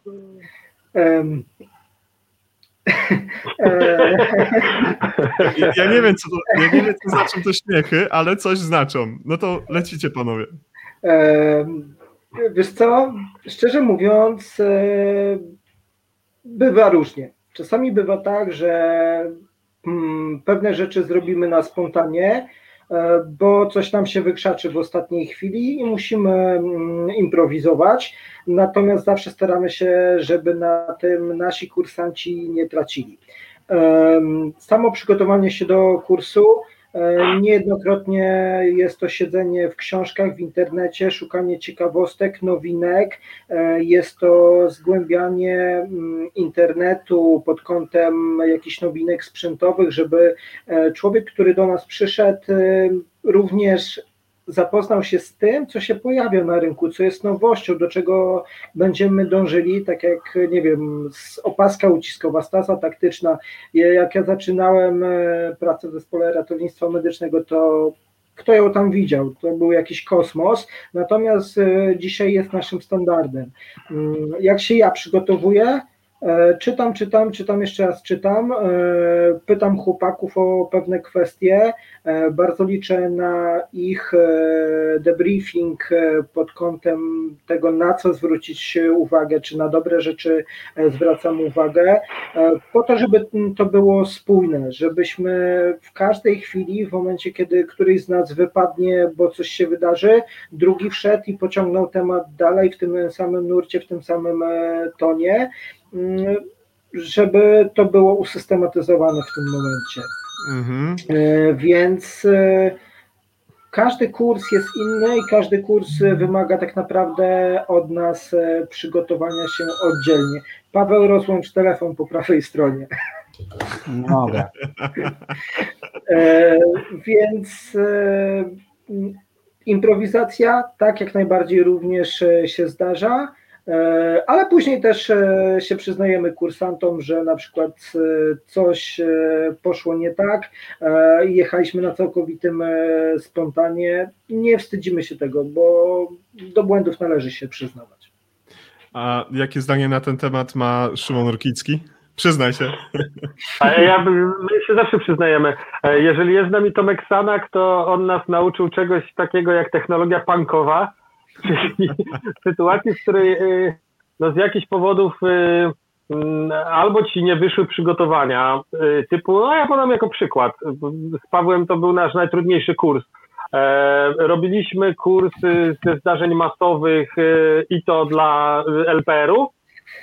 E, no i mieliśmy fuck up na poziomie takim, że nie przyszli, znaczy nie dogadaliśmy się dobrze z młodzieżową drużyną ratowniczą, która ma nam zapewniać pozorantów i okazało się, że robimy zdarzenie masowe, a nie mamy masy. Mm, okay. No i no i wiesz, to, to jest taka sytuacja, w której możesz się najlepiej przygotować jak potrafisz, a jedna taka luka, tak, ten szwajcarski serc tego nie wyłapał i przepuścił tego typu błąd, no i ten błąd ci skutkuje tym, że musisz grać w nawet nie tyle technologii punkowej, ale uberpunkowej. I to musi być, wiesz, musisz się wnieść na wyżyny swoje mhm. i jakoś to ogarnąć. I my ten kurs ogarnęliśmy, przeprosiliśmy ludzi, którzy przyjechali do nas na kurs. Oni powiedzieli, że po pierwszym dniu byli bardzo zawiedzeni, po drugim dniu byli bardzo zadowoleni. I ja ich bardzo ich rozumiem, to jest 100% y, prawda, ale tak już odnosząc się do tego, jak wygląda 99% naszych kursów, no to tak naprawdę zaczyna się od tego, że y, my dążymy do poznania oczekiwań ludzi. Czyli jeżeli ludzie chcą przyjechać do nas na kurs, i to jest na przykład grupa, która indywidualnie u nas zamawia szkolenie, no to my pytamy, czego wy się chcecie nauczyć? Nie? Jakie macie problemy w swojej pracy? Może coś wam nie wyszło, może z jakiegoś e, powodu, e, nie wiem, pacjent zmarł u was na oddziale niedawno i chcielibyście przećwiczyć ten scenariusz jeszcze raz. Więc my mhm. robimy rozeznanie. Potem odnosimy to do naszego doświadczenia, do aktualnej wiedzy medycznej e, i przygotowujemy kurs. Przygotowujemy, mm, mamy schematy, mm, tabelki, jak ma być rozrysowany każdy scenariusz, jak mają być przygotowani pozoranci, czy robi, na jakich narzędziach symulacji to robimy.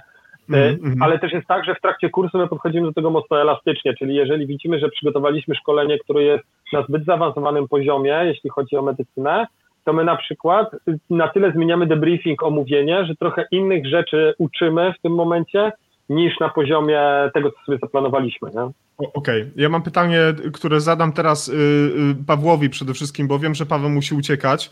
Paweł jako koordynator pracy instruktorów w CSM-ie. Czy często zdarza się, mm, że podczas kursów, szkoleń uczestnicy nie zgadzają się z opinią instruktora prowadzącego e, symulację, negują popełnione błędy, przedstawiają taką, taką dezaprobatę, może też na wasze działanie. Jako koordynator mógłbyś się do tego odnieść?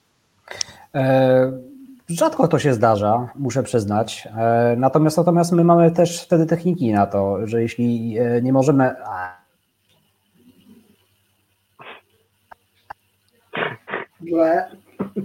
Albo Paweł się zawiesił, albo tablet. Ja, ja, myślę, że bateria mu się skrzaczyła. Bo, to ja mogę bo, pociągnąć. To, to ty pociągnąć. Do usług, e, bo ja mam dobry przykład tego, odpowiedzi na to pytanie, bo ja miałem taką grupę u siebie, Paweł rzeczywiście powiedział, że rzadko się tak zdarza, że rzeczywiście e, kursanci się z nami kłócą, bo jednak za szyby widać bardzo dużo, ale ja miałem taką grupę, która, na, na przykładzie powiem, e, zespół pracował i nie osłuchał po założeniu przyrządu nadgłośniowego, przez to im się pacjent dobrze nie wentylował. I oni się zarzekali, że na pewno my osłuchaliśmy. Nie masz racji, na 100%. Pierwszy raz, jeden, jedyny raz y, przez 5 lat musiałem się wesprzeć materiałem filmowym. U nas wszystko się nagrywa, wszystko widać, wszystko słychać, możemy do tego wrócić, możemy to odtworzyć. I musiałem pokazać po prostu na, na filmie, słuchajcie, y, ty, to, tak, no tak zrobiliście, więc przykro mi, no ale ja miałem rację. Więc to, no ale oni bardzo mocno wtedy szli i rzadko to robię. To był jeden, jeden raz, kiedy pomogłem się wizją jako sądem ostatecznym, ale z reguły, z reguły jest tak, że my, mm, my też nie y, wiemy dobrze, że medycyna nie jest radykalna. Owszem, wiemy, że migotanie komór się defibryluje. Nie? W sensie, że są okay. takie, takie rzeczy, co do których no nie, nie ma dyskusji, nie? ale często jest tak, że mamy na tyle, tak jak cały czas jest dyskusja o płynoterapii, koloidy, krystaloidy, to się zmienia i na przykład jak robimy z resuscytacji płynowej symulację, to debriefing tak naprawdę jest dyskusją o problemie, który mamy na poziomie leczenia wstrząsu krwotocznego, a nie nam, i my, my mówimy, co na ten temat sądzi najnowsza wiedza medyczna, ale jednocześnie czujemy wątpliwość, że na zespołach ratownictwa medycznego nie ma krwi pełnej. No tak, no tak. To, to, Więc to bardziej jest dyskusja i rozmowa, nie? niż e, wykład znowu wracamy do świata idealnego, jakbyśmy my, my, osoby, które zajmują się, nie wiem, wprowadzaniem czy, czy kandydatów, czy uczniów, czy studentów, czy już pracowników w system, którzy funkcjonują, żeby to, co mówimy, miało um, odniesienie do rzeczywistości. Pawle, zniknąłeś, ale kolega dalej tak, pociągnął. E, ja się z nim zgadzam. Myślimy tak samo, więc Natomiast podejrzewam, wiem, to jest naj, najśmieszniejsze, że my czasami z Szymem e, mamy tak, że właśnie a propos tych takich improwizowanych rzeczy, e, to Szymek e, ma tutaj rację, bo to jest jeszcze z tego szkolenia, które serdecznie pozdrawiamy w ogóle uczestników tego szkolenia, tego Maskala, które było Maskalem dla nas. Bo ja jeszcze siedziałem przy komputerze w dymie przy, w trakcie pozoracji, pisząc maila błagalnego do pani dyrektor PKP, którą serdecznie pozdrawiam, E, bo e, musiałam jeszcze postawić tam śmigłowiec, e, o którym w mowie nie było akurat w piśmie, więc musiałam to jeszcze w przeciągu 15 minut załatwić, żeby w ogóle on wylądował. Natomiast my czasami z Szymkiem mamy tak, że po prostu wchodzimy, nas nie ma i jestem na przykład w trakcie, u nas nie ma czegoś takiego w funkcji technika, czyli my załatwiamy właściwie wszystko, od technikaliów po instruktorkę. Ja jestem, akurat pozoruję symulator, E, Szymon, Szymon w tym momencie biegnie e, do mnie, kolejny symulator akurat naprawiać, a e, Szymek mówi, a kto tam jest? No uczestnicy. A ciebie tam nie ma? No nie, no jestem tutaj, więc to są takie improwizowane rzeczy, więc my czasami wiemy, co, co powiedzieć ogólnie, natomiast to się nabywa troszeczkę doświadczenia. Natomiast, natomiast nawiązując do tego, co Szymon, zgadzam się w 100%, bo my nigdy nie idziemy w zaparte bo nie można iść zaparte. E, uczestnicy czasami e, będą mówić, że coś zrobili, natomiast to wtedy można użyć po prostu grupy, tak? E, czyli, czyli to grupa powie, ok, no zrobiliśmy to, nie zrobiliśmy, ale najważniejsze jest osiągnięcie celu. Jeśli ktoś osiągnął cel, a na przykład chociażby, nie wiem, a celem było na przykład, nie wiem, zaintubowanie pacjenta, to rewelacja. Jasne. Ja wiem, że wy się nie przyznacie, że jeżeli macie za dużo osób, które dyskutują, to wy nie przyznacie się oficjalnie tu na antenie, że dzwonicie po chłopaków na Pradze. Ja, ja, ja wiem, ja wiem, że tego nie powiecie, ale, ale y, co do tego wszystkiego może nam powiedzieć jeszcze Paweł Oskwarek. Jeśli chodzi o te dezaprobaty do oceny, jeżeli negują y, kursanci, że coś zostało zrobione, a nie zostało zrobione y, i, i, i może też mi powiedz, Pawle, ty jako taki najmłodszy w zespole, jak ty sobie radzisz z tym, bo to też jest wyzwanie dla ciebie. E, wiesz co, tak, nie zdarza to się często, tak jak chłopaki wspomnieli. E, raz, że mamy technikę, z której możemy skorzystać, e, ale raczej z tego nie korzystamy, bo takie zero-jedynkowe udowodnienie komuś, że był w błędzie, to nie jest sposób na kursanta. Natomiast wykorzystanie Mm, omawianie debriefingu do tego służy tak najbardziej i wyciągnięcie z każdego z e, członka zespołu informacji, co zrobił, w którym momencie, e, pozwala uświadomić tym kursantom, że kurczę, może rzeczywiście nie mamy racji. E, bo narzucenie własnego zdania nic tutaj nie pomoże tylko i wyłącznie mhm. rozmowa wspólna, szukanie um, prawdy w tym momencie pozwoli na to, żeby on wyniósł coś z danej sytuacji. Bo mówię, pokazanie, że tutaj zrobiłeś błąd, e, a miałeś tak to zrobić, go kursanta te nie nauczy to niczego. Natomiast mhm. jeżeli ją przy, um, prześledzi swój tok postępowania i zobaczy, w którym e, kroku zrobił błąd i zrozumie, dlaczego go zrobił, e, to będzie dla niego nauka, którą wyniesie na przyszłość. E, I tutaj ukłon do chłopaków z mojej strony, bo ja zawsze liczę na to, że E, słuchają jak prowadzę debriefing i również w razie czego mnie wspomagają, a jeżeli jesteśmy na przykład we dwóch prowadzimy e, kurs, zawsze jako mam przynajmniej się staram e, tak robić, żeby na koniec dopytać, poprosić czy Pawła, czy Szymka o to, żeby w, czy mają coś do dodania i tak dalej, czy, co oni mogli dostrzec, a czego ja nie dostrzegłem w tym momencie. Mm to też nie są dla ciebie pewnie łatwe zadania, ale w ogóle w mojej ocenie praca z ludźmi to jest bardzo trudne zadanie, a jeszcze w tym momencie, kiedy trzeba zderzyć y, obiektywną ocenę czyjejś pracy i przenieść to na konstruktywne podsumowanie, jakim ten debriefing ma być, to już jest, wydaje mi się, bardzo ciężkie zadanie. O debriefingu już za moment. Paweł tak wpada i wypada, wpada i wypada. To się zdecyduj. Paweł, zostajesz albo wychodzisz? To jest nieprofesjonalne. Ja bym go usunął z tego w ogóle spotkania. To tak nie może być. Proszę bardzo. Mówisz i masz. Mówisz i masz.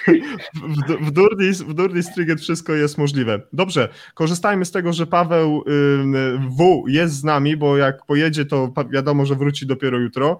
Karo, pani Karolina Pakuła pyta, jakie kursy powinien mieć skończone instruktor symulacji waszym zdaniem? Pomijając, że należy cały czas się dokształcać. Co byście polecali? Pani Karolino, dziękuję za Pani pytanie i serdecznie Panią pozdrawiamy. E, to znaczy tutaj trzeba podzielić e, ogólnie symulację e, podyplomową i symulację, która jest stricte dyplomowa, tak? Czyli w Polsce powstało bardzo dużo właściwie przy każdej uczelni powstały monoprofilowe centra symulacji medycznej, e, które poniekąd e, rzeczywiście e, wymagają chociażby szkolenia EUSIM, tak? EUSIM to jest akurat szkolenie, które uczy właściwie podstaw bycia instruktorem symulacji medycznej. Natomiast to jest jedna kwestia. Druga kwestia to jest kwestia merytoryki, jeśli chodzi o kwestie związane z, z medycyną bo, bo tutaj akurat kwestia związana z wszystkimi szkoleniami typu e, ITLS, PHTLS jak najbardziej oczywiście wchodzą w, e, w rolę, natomiast, natomiast e, rzeczywiście akurat jeśli chodzi o nasze osoby, jak my zaczynaliśmy akurat, jak my zaczynaliśmy szkolić, to, to, to owszem, my mieliśmy duży bagaż ze sobą szkoleń medycznych, ale tak naprawdę to wynosiliśmy swoje doświadczenia jakieś e, prywatne, czyli chociażby, nie wiem, praca na uczelni jednej, drugiej. E, to były dla nas bardzo dobre doświadczenie i przygotowanie takiego e, rzeczywiście merytoryczne do, do prowadzenia i nauczania szkoleń.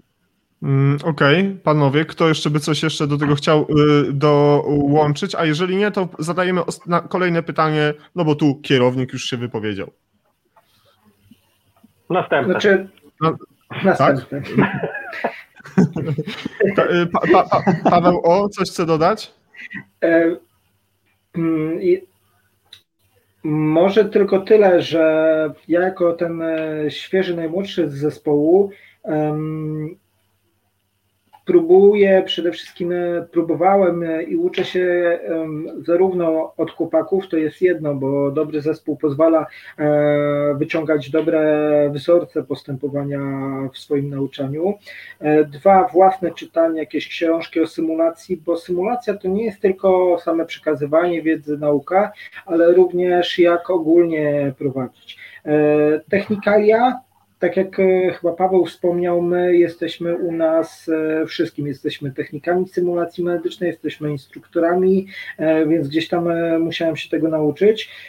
A kolejne kroki to kurs instruktora symulacji medycznej gdzieś tam, e, gdzie w Polsce mm, zrobię. Później, jeżeli się uda, to o czym chłopaki wspominali, czyli te już wyższe stopnie EUSIM, który kształci, rozwija e, instruktora w tym momencie.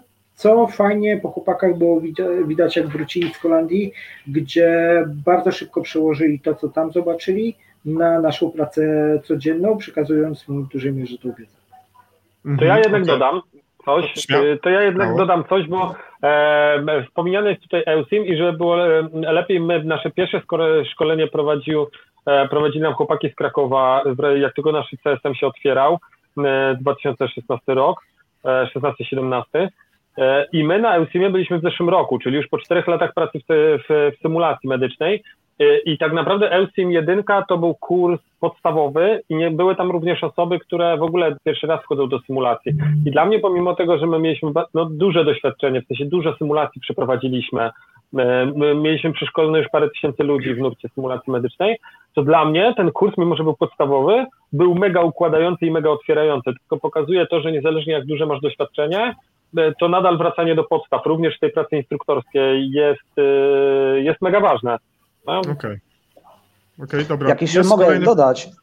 Tak, tak, śmiało. Jak jeszcze, Jasku, jak jeszcze Jasku mogę dodać do tego, co powiedział Szymon. E, my pamiętam, jak przygotowaliśmy pierwsze ogólnie e, szkolenie i to szkolenie przygotowaliśmy dla naszego zespołu, bo taką mamy e, politykę, że jeśli przygotowujemy jakiś nowy kurs, musimy to po prostu ten program na jakiś przetestować. I my mieliśmy w głowie e, bardzo dużo założeń, czyli na przykład chociażby e, zanim jeszcze nie odbyliśmy chociażby szkolenia e, u Grześka Cebuli i no to, no to akurat tutaj kwestia, mieliśmy założenie takie, żeby jak najwięcej utrudnić po prostu uczestnikowi szkolenia. Poniekąd to wynosiliśmy z jakichś tam własnych doświadczeń, poniekąd trochę gdzieś tam chociażby nasze doświadczenia w zawodach w ratownictwie medycznym to też pokazywały.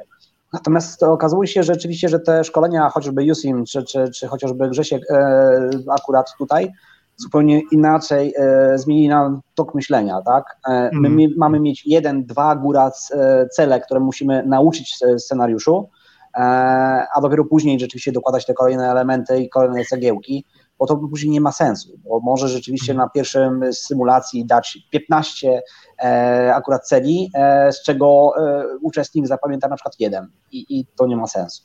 Okej. Okay. Ważne pytanie, które teraz za, zadać będzie chciał Wam pan Bogdan Biecki, którego pozdrawiam. To jest pytanie, które też przygotował Marcin Gbiorczyk, więc Marcinie, ustępujemy miejsca panu Bogdanowi, bo jest ważniejszy, bo jest naszym widzem. I pan Bogdan zadaje pytanie, kolejne pytanie. Czy Waszym zdaniem coś się zmienia w myśleniu kadry kierowniczej, dysponentów ZRM, SOR, że kształcenie jest ważnym elementem personelu i debriefing jest ważną sprawą, niezależnie czy jest to szkolenie, czy rzeczywista sytuacja, która właśnie się zakończyła, wypadek, zgon i tym podobne. Panie Bogdanie, mistrzowskie pytanie. Za to bardzo, bardzo, dziękuję. I teraz o odpowiedź proszę każdego z Was. Tylko byłoby fajnie, gdyby każdy z Was popatrzył na to pytanie z innej strony. Czyli, mm, Szymon, jako trochę psycholog, jako trochę psycholog powiedzmy, powiedzmy mm, Paweł Oskwarek, Paweł Oskwarek trochę jako kadra, y, y, Paweł, przepraszam, Wiktorzak jako kadra, a Paweł Oskwarek troszeczkę jako ratownik. To ja tylko jeszcze dodam, że chyba ktoś z nas ma głośno włączony głośnik, bo słyszymy siebie nawzajem. Przynajmniej ja tak mam. Ja, ja też tak mam, więc ja też tak mam. Echo słychać tego, co mówimy. Tego, co mówimy. Dobra, teraz? Dobra, teraz? Nie, ciągle, nie, ciągle.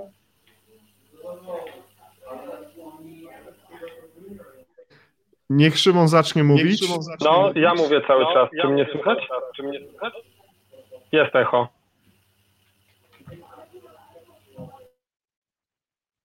Hmm. Dobra, to Szymon zacznij odpowiadać na to pytanie od Dobra. pana Bo- Bo- Bogdana. E, Z punktu widzenia psychologicznego, to moim zdaniem b- cały czas jesteśmy na poziomie e, dysponenta i e, kadry kierowniczej. Wydaje mi się, że tu jest niska świadomość tego, że to jest potrzebne, że to jest istotne. E, Wydaje mi się, że kadra kierownicza nadal patrzy przez pryzmat tego, czego wymaga, wymaga od niej góra, czyli e, realizacji świadczeń, w sensie po prostu robienia rzeczy e, typu kolejny wyjazd, kolejny pacjent, nie ma czasu, róbmy. A jest to, to tak naprawdę z góry powinien iść przykaz tego, żeby debriefingi, omawiania e, i konieczność kształcenia ustawicznego była. No co z tego, że się pojawiło sześciodniowy urlop, na przykład dla ratowników medycznych e, szkoleniowy e, pod kątem KDLM-u, że możesz wziąć i, i się przeszkolić. Jak e, wiem o tym, że nie zawsze przełożeni ułatwiają nam e, wzięcie, tego, e, wzięcie tego urlopu, gdzie mówią, no dobra, ale sześć dni tak pod rząd? W sensie, tak jakby byli zdziwieni tym, że ten kurs jest pod rząd. E, więc wydaje mi się, że to no, będzie pesymistycznie niestety, że, no, że nie jest dobrze w, te, w tym materii, a powinno być dużo lepiej, więc to, to jest duża, duże wyzwanie, żeby to właśnie kadra kierownicza e, po prostu sobie to uświadomiła, albo ktoś im uświadomił, że po prostu to podnosi bezpieczeństwo pracy. Mhm. Y, Myślę, że to jest y, problem u Pawła. Wskoczyłeś teraz na komórkę, Paweł, i ja wyłączyłem twój mikrofon, z, z, zniknął pogłos. Więc jakbyś mógł spróbować to, to wyeliminować, a Pawła Oskwarka bym prosił, żeby odpowiedział na to pytanie z punktu widzenia ratownika medycznego, który ma takie oczekiwania od dysponenta, żeby on rozumiał, jaka jest rzeczywiście potrzeba tych y, kwestii, o których zapytał pan Bogdan. Jeszcze raz stawiam to pytanie. E, Wiesz co, myślę, że myślę, że ma to bardzo duże znaczenie tak naprawdę Mm, i widzimy to przez pryzmat na przykład szpitali, które u nas się przeszkoliły. E, Wcześniej na przykład personel SOR-u Szpitala Bielańskiego został przeszkolony przez chłopaków. E, W tej chwili natomiast personel SOR-u Szpitala w Międzylesiu jest u nas szkolony. E, Akurat e, spoiwem tych dwóch sorów jest e, e, szef e, tych sorów, który najpierw był w jednej placówce, teraz jest w drugiej e, i bardzo rozumie potrzebę tego, e, jak ważne jest zgranie zespołu, e, pokazanie im, jak mogą wspólnie pracować, e, jak e, podnieść efektywność e, tej pracy. Natomiast patrząc przez pryzmat zespołu ratownictwa medycznego, moje drugie miejsce pracy po jakimś czasie teraz widzę, że coraz bardziej również zaczynają stawiać na kształcenie swojej kadry e, i myślę, że przynosi to efekty. Tutaj dobrym wzorcem jest e, Paweł przede wszystkim, e, gdzie bardzo często rozmawia ze swoim zespołem, bo już niestety nie jeździmy razem, e, ale zes, rozmawia ze swoim zespołem po każdym wyjeździe. Ja również to wprowadzam na swój zespół, na którym jeżdżę i szczególnie na młode osoby, z którymi współpracuję, więc ma, ma to bardzo duże znaczenie, bo e, debriefing nie jest po to, żeby kogoś e, za przeproszeniem opierdzielić od góry do dołu i wytknąć mu tylko błędy, a jest od tego, żeby mm, pokazać, jak zrobić coś lepiej, jak zmin- zminima- zminimalizować ryzyko naszych błędów, a w konsekwencji podnieść e, bezpieczeństwo naszego pacjenta, który zawsze dla nas Mhm. będzie priorytetem w tym momencie. E, Dlatego mm, kształcenie kadry e, i to nie tylko kadry mm, ratunkowej, ratowników, pielęgniarek, lekarzy, ale również kadry kierowniczej, e, która zarządza tym całym zamieszaniem w cudzysłowie, ma bardzo duże mm, znaczenie w mojej opinii. E, I cieszę się, że w tej chwili jestem w miejscu, gdzie moja szefowa to rozumie i tutaj ukłon w stosunku do Agnieszki, bo kładzie duży nacisk na to, żebyśmy się szkolili w tym momencie Mhm. również sami, a nie tylko mm, patrzyli na to, żebyśmy zrobili jak największą liczbę kursów. Dla nich również jest ważny nasz rozwój i za to ja jestem na pewno bardzo wdzięczny. Myślę, że chłopaki również dostajemy taką szansę. Jak Paweł Wiktorzak patrzy na pytanie od pana Bogdana? Y, powiedzmy, wcielasz się w rolę właśnie kierownika y, dysponentów, sorów i tak dalej. Jak y, to w twojej ocenie wygląda? Czy coś się zmienia w tym e, kierunku? Obserwujesz takie postawy? E, kropla e, drąży skałę. Kropla drąży skałę małymi krokami. Czy mnie słychać w ogóle? Słychać się teraz. Super. E, kropla drąży skałę, natomiast, natomiast e, u nas w Wojskowym Instytucie Medycznym e, w końcu udało się zrealizować projekt, że Centrum Symulacji Medycznej jest dla pracowników Wojskowego Instytutu Medycznego.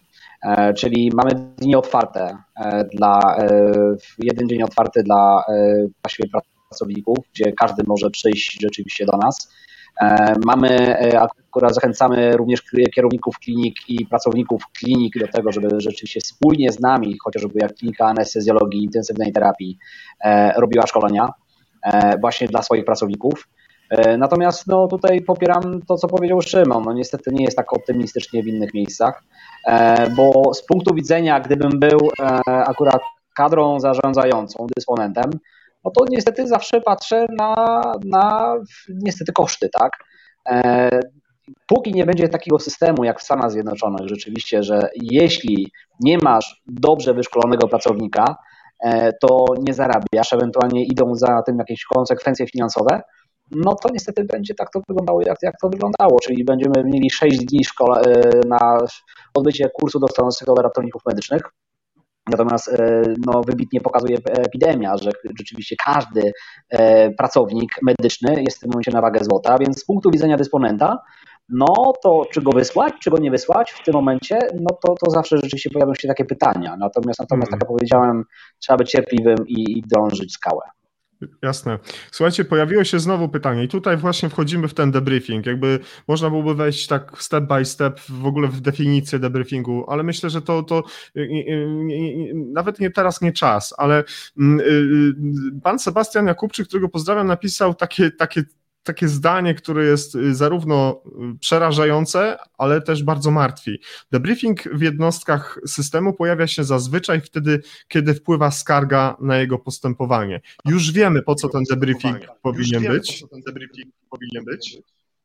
Już wiemy, do czego ten debriefing nam y, jest potrzebny. Y, no dobrze, to teraz moje pytanie, więc skoro mamy tę świadomość, dlaczego ten debriefing jest taki ważny, to dlaczego on zazwyczaj się pojawia w takich sytuacjach, jak napisał pan Sebastian? Szymon, powiedz mi proszę. Wiesz co, y, to co jest najważniejsze, to co jest ważne, żebyśmy sobie y, nadali też strukturę, to w jednym zdaniu, czym innym jest debriefing, który my robimy w symulacji medycznej, czym innym jest debriefing, który przeprowadza zespół medyczny po, po akcji, po zdarzeniu, po wyjeździe, a czym innym też będzie debriefing psychologiczny, który my na przykład jako psychologowie przeprowadzamy na, na zespole medycznym po jakiejś trudnej sytuacji. Nie? To, to, to mówimy skup, o debriefingu medycznym. Skupmy się, skupmy się mhm. ten, który robicie w symulacji tak. I skupmy się ten, który działa w ZRM-ie i w SORze, gdzie mhm. coś się dzieje. Tak. Mhm. E, dlaczego dopiero wtedy to wychodzi? E, pytanie zawsze jest, kto podejmuje inicjatywę o przeprowadzeniu debriefingu. Jeżeli e, nie mamy w strukturze organizacji pracy czasu na debriefing i ogólnie struktury debriefingu, no to on będzie się pojawiać tylko i wyłącznie wtedy, kiedy dysponentowi się zachce. Nie? A zachce mu się tylko wtedy, kiedy będzie czuł zagrożenie ze strony, w sensie skierowane w stronę danej osoby. Czyli kierownik oddziału wie, że ma problem, ponieważ jest skarga. Nie? Więc ja rozumiem jego mhm. punkt widzenia.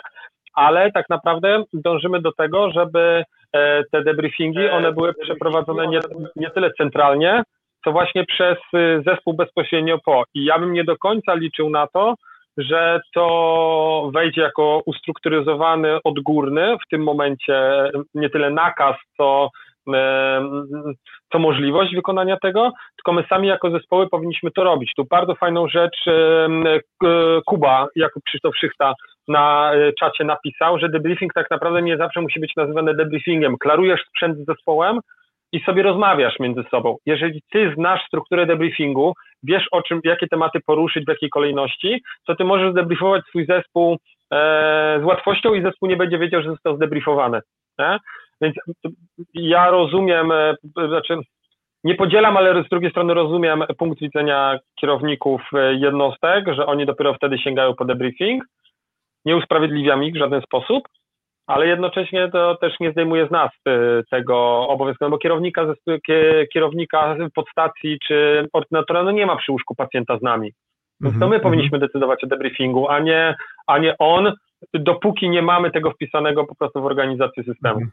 A, a to jeżeli ty żeś się skupił od, na tym debriefingu, który mamy w ZRM-ie, w SOR-ach w tym miejscu, a, a niech opowie nam y, o debriefingu w Centrum Symulacji Paweł Wiktorzak. E, debriefing ogólnie symulacyjny jest zupełnie czymś innym, tak? Czyli y, jak Szymon powiedział, ma pewną strukturę, którą y, my musimy zachować. E, są różne rodzaje techniki, na które akurat w tym konkretnym przypadku e, naszego spotkania być może by nawet zabrakło czasu. Natomiast, natomiast e, on ma pewną strukturę rzeczywiście e, tak, żeby uczestnik po pierwsze mógł e, poznać dane zagadnienie, ale pamiętajmy też, że każdy uczestnik ma swoje emocje. Jak, jak bierze udział w symulacji, pamiętajmy rzeczywiście, że jesteśmy też oceniani i to też nam pokazuje rzeczywiście chociażby, nie wiem, nie sam debriefing, ale wystarczy, że masz naprawdę bardzo dobrą grupę uczestników szkolenia, E, gdzie bierzesz tylko i wyłącznie e, zwykłą podkładkę, e, bierzesz czystą kartkę, gdzie rysujesz tylko i wyłącznie sobie jakieś szlaszki, natomiast, natomiast to już widać, że stresuje naszego uczestnika, tak? Więc debriefing też ma to w sobie, żeby zejść ze swoich emocji. Chociażby na przykład takie pytanie, no jak się czujecie? No i często po tym, zwłaszcza pierwszym takim, pierwszej symulacji, która może trwać 10 minut, E, my taki debriefing możemy prowadzić nawet 40 kilka minut, tak?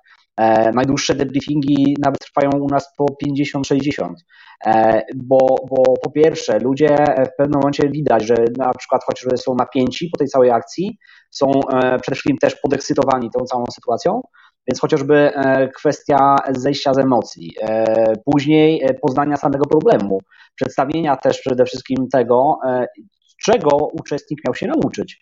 E, tak jak Paweł wcześniej powiedział, e, że my mamy też powiedzieć e, to, co zrobiliśmy dobrze i to, co trzeba rzeczywiście gdzieś tam wyszlifować, to, co nie zagrało i trzeba rzeczywiście na tym jeszcze pracować. Natomiast pamiętajmy rzeczywiście, że dla nas, dla samego instruktora jest poprowadzenie tego debriefingu w taki sposób, żeby nie zaprzepaścić szansy, żeby po pierwsze to uczestnik zagubił się w tej całej strukturze i to jest już sztuka, po drugie, e, że jeśli my widzimy ewidentnie, że ktoś e, odstaje od grupy, ewentualnie popełnił kuriozalne błędy, to ty jako instruktor no nie możesz mu powiedzieć wprost, stary, no, e, no sorry, no nie radzisz sobie. No bo w tym momencie mm. to kompletnie cię nie nauczy, żadnego, że nie będzie miało to żadnej, żadnego sensu. Więc no, to jest ogólnie sama struktura debriefingu jest rzeczywiście złożona i na tym trzeba rzeczywiście, no, instruktor musi mieć pieczę. Mhm, rozumiem. Świetnie. Widzę, że jest z nami już y, Paweł Skwarek. Paweł, czy wszystko w porządku w domu? Tak, tak. Młody miał chwilowy problem, ale już się udało ogarnąć, już uspokoił się, więc. Me medic on board. Tu, tutaj nie, tutaj ukłony dla mojej żony, bo to ona w tej chwili dwóch ogarnia, więc kama mhm. dziękuję. Pa Paweł, Paweł okej, okay, czekajcie, bo Paweł nam się ulatnia. O, tam ktoś pomachał nam. Słuchajcie, kto nam, kto, kto, kto nam macha? Nasza pani doktor no, Dzisiaj, Ewa, dzisiaj e, Ewa, e, właśnie, właśnie wyjeżdżamy do, do wyjazdu. No to jedźcie. Wszystkim serdecznie bardzo dziękuję. E, no i serdecznie pozdrawiam. Słuchajcie, jedźcie ostrożnie, y, wracajcie bezpiecznie y, i jeżeli się uda, to do zobaczenia, usłyszenia. Pozdrowienia dla całego zespołu, całej stacji. Paweł, jesteśmy Pozdro, w kontakcie. trzymajcie się. Wielkie Pozdro, dzięki. Szacunek dla wszystkich. Dzięki. No, no i co? I zabrało nam Pawła, ale mam nadzieję, że szybko do nas wróci. Zachęcamy jeszcze do zadawania pytań naszym y, panom, kolegom, y, instruktorom, fachowcom, y, jakże, jakże wielkim. Mm, słuchajcie, drodzy Państwo, my jesteśmy na kanale YouTube, więc jeżeli ktoś ma ochotę obejrzeć nasze stare odcinki, które były nagrywane wcześniej, jesteśmy tam. Jesteśmy też na Spotify, bo osoby, które na przykład nie lubią oglądać programów różnego rodzaju, to mogą nas posłuchać w formie podcastów. Tam też jesteśmy. Tak więc zachęcamy do tego wszystkiego, co zaprezentowaliśmy już wcześniej na kanale Nuri Striget Live. Marcin Gbiorczyk w komentarzach umieścił wszelkie możliwe dostępne informacje na temat Centrum Symulacji Wojskowego Instytutu Medycznego, tak więc dostęp, kontakty, oferta, wszystko jest tam włożone w komentarzach, tak więc bardzo serdecznie zapraszam do tego, żeby kontaktować się właśnie z um, naszymi instruktorami. I tu było takie fajne pytanie, które, które Marcin zadał i chciał również, żeby było Wam przekazane. Kreatywność jest Waszą specjalnością, peruki, przebieranie się. Y, no dlaczego? Tak tutaj zostało to zadane. Może, może poprosimy y, Pawła Oskwarka jako pierwszego. Bo często wychodzimy poza swoje role sztywne, czyli instruktora czy technika, a wchodzimy czynnie w symulację. Typu, nie wiem, zespół sobie życzy rentgen przyłóżkowy, no to nagle wyskakuje za drzwi e, pani w okularkach e, z w cudzysłowie rentgenem. E, i wszystko się dzieje na żywo. Nie jest tak, że dostają hop na monitor od razu rentgen, tylko procedurę staramy się wykonać tak, jak rzeczywiście to się dzieje u nas na torze. A więc musimy wyprosić ludzi z sali na chwilkę, gdzie będzie rentgen i tak dalej, i tak dalej. No, e, opró oprócz tego mm, staramy się e, korzystać przede wszystkim e, z naszych pozorantów, dla których tutaj wielki e, ukłon, czyli tak zwanej młodzieżowej drużyny ratowniczej z Warszawy, bo e, chcemy, żeby symulacja była jak najbliżej rzeczywistości, a nic nie odda tak rzeczywistości jak realny człowiek. Hmm. I tutaj nasza młodzież robi kawał dobrej roboty nam i jednocześnie dużo nas e, nauczyła, jak e, pozorować rany, jak e, zwiększać tą realność tego, co się dzieje. Do tego stopnia, że zdarzały się sytuacje, że trzeba było przerwać symulację, bo e, sytuacja robiła się zaogniona między pozorantem a kursantem, e, bo tak gdzie się emocje wszystkich e, poniosły. Rozumiem. No staramy się, żeby nasze kursy nie były monotonne. Może to jest taką odpowiedzią.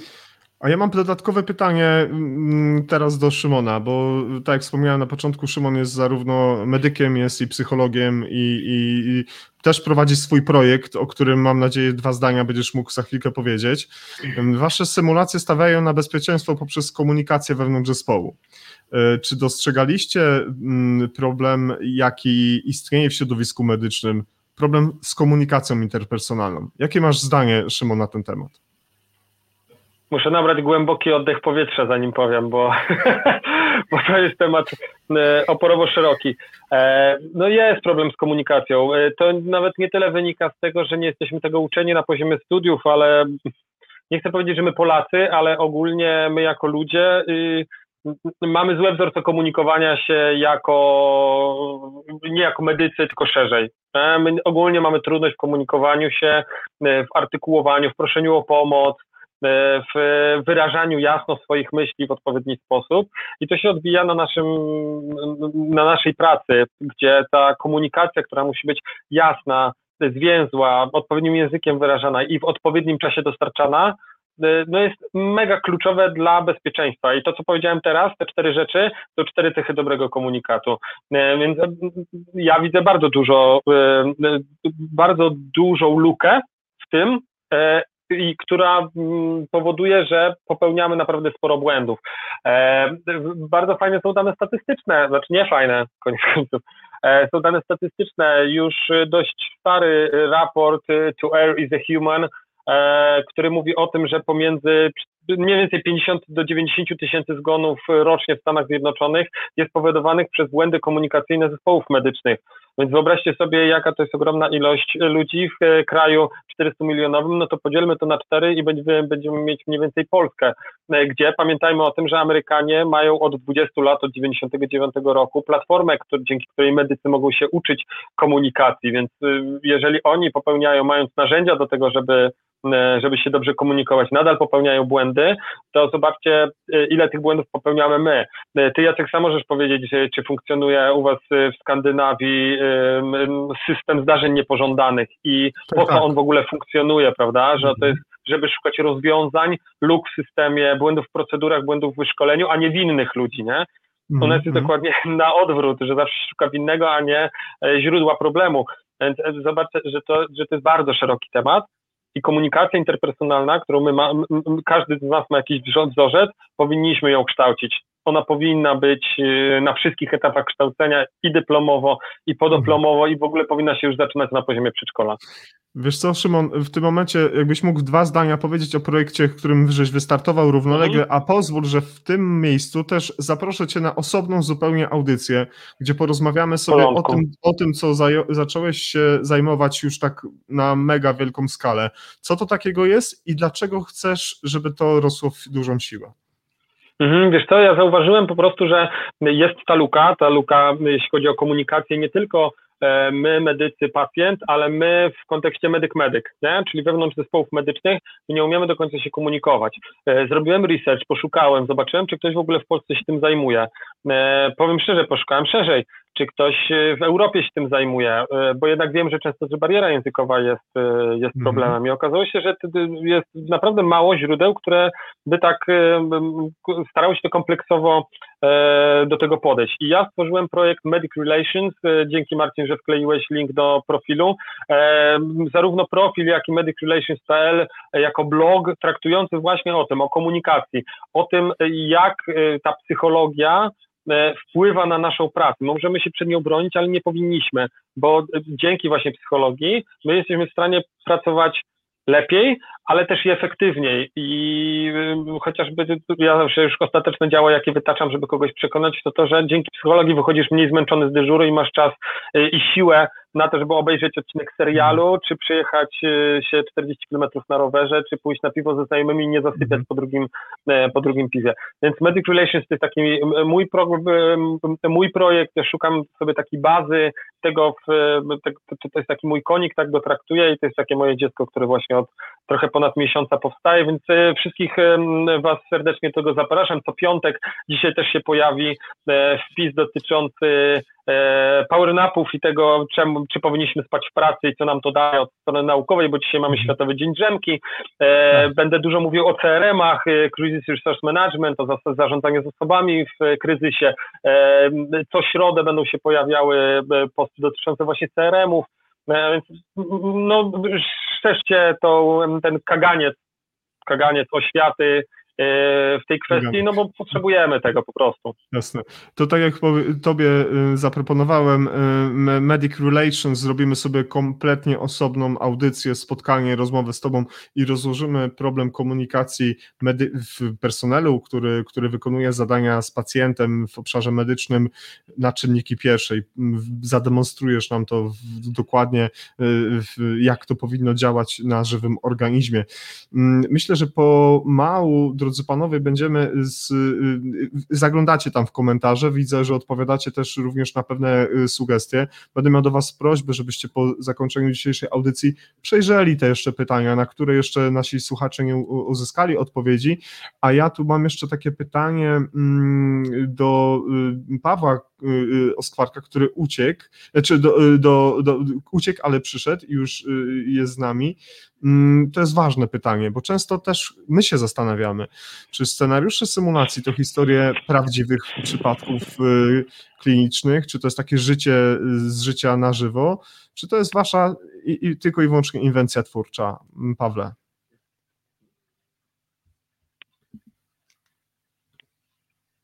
Coś masz z mikrofonem? Y, y, mikrofon masz wyciszony albo Dobra, chyba już powinienem być dostępne. Super, mhm. dzięki. Mhm. E, Jacku, w dużej mierze jest to odzwierciedlenie naszych sytuacji. Dlaczego? bo łatwiej jest pracować nad czymś, co sami przerobiliśmy, czego sami doświadczyliśmy. I to, o czym wspominaliśmy, chyba każdy z nas po części, instruktor, żeby być wiarygodnym, w mojej opinii, musi również cały czas pracować przy pacjencie.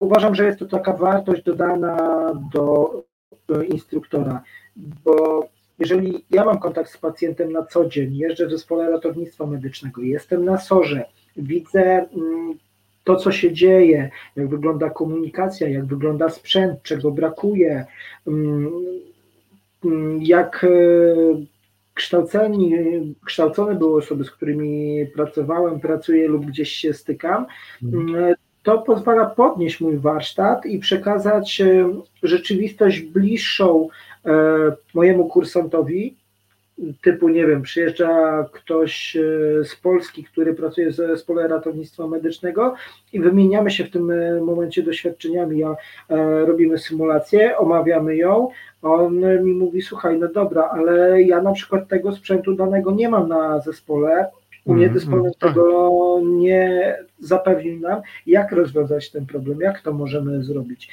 Więc e, e, Podsumowując krótko, tak, scenariusze w dużej mierze są oparte na naszej e, rzeczywistości, naszej pracy, naszych doświadczeniach, na naszych błędach, bo każdy z nas popełnił jakieś błędy w swojej pracy i myślę, że to pokazanie też kursantowi, że w danej sytuacji ja zachowałem się źle, e, to też podnosi ten realizm tego wszystkiego, e, a nie wymyślanie.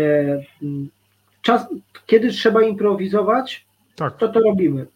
Mm, mhm. To jest e, symulacja i czasami tak trzeba zrobić, pewne teoretyczne zagadnienia dorzucić, bo żebyśmy uzyskali odpowiednie oczekiwane efekty, zamierzony cel nasz.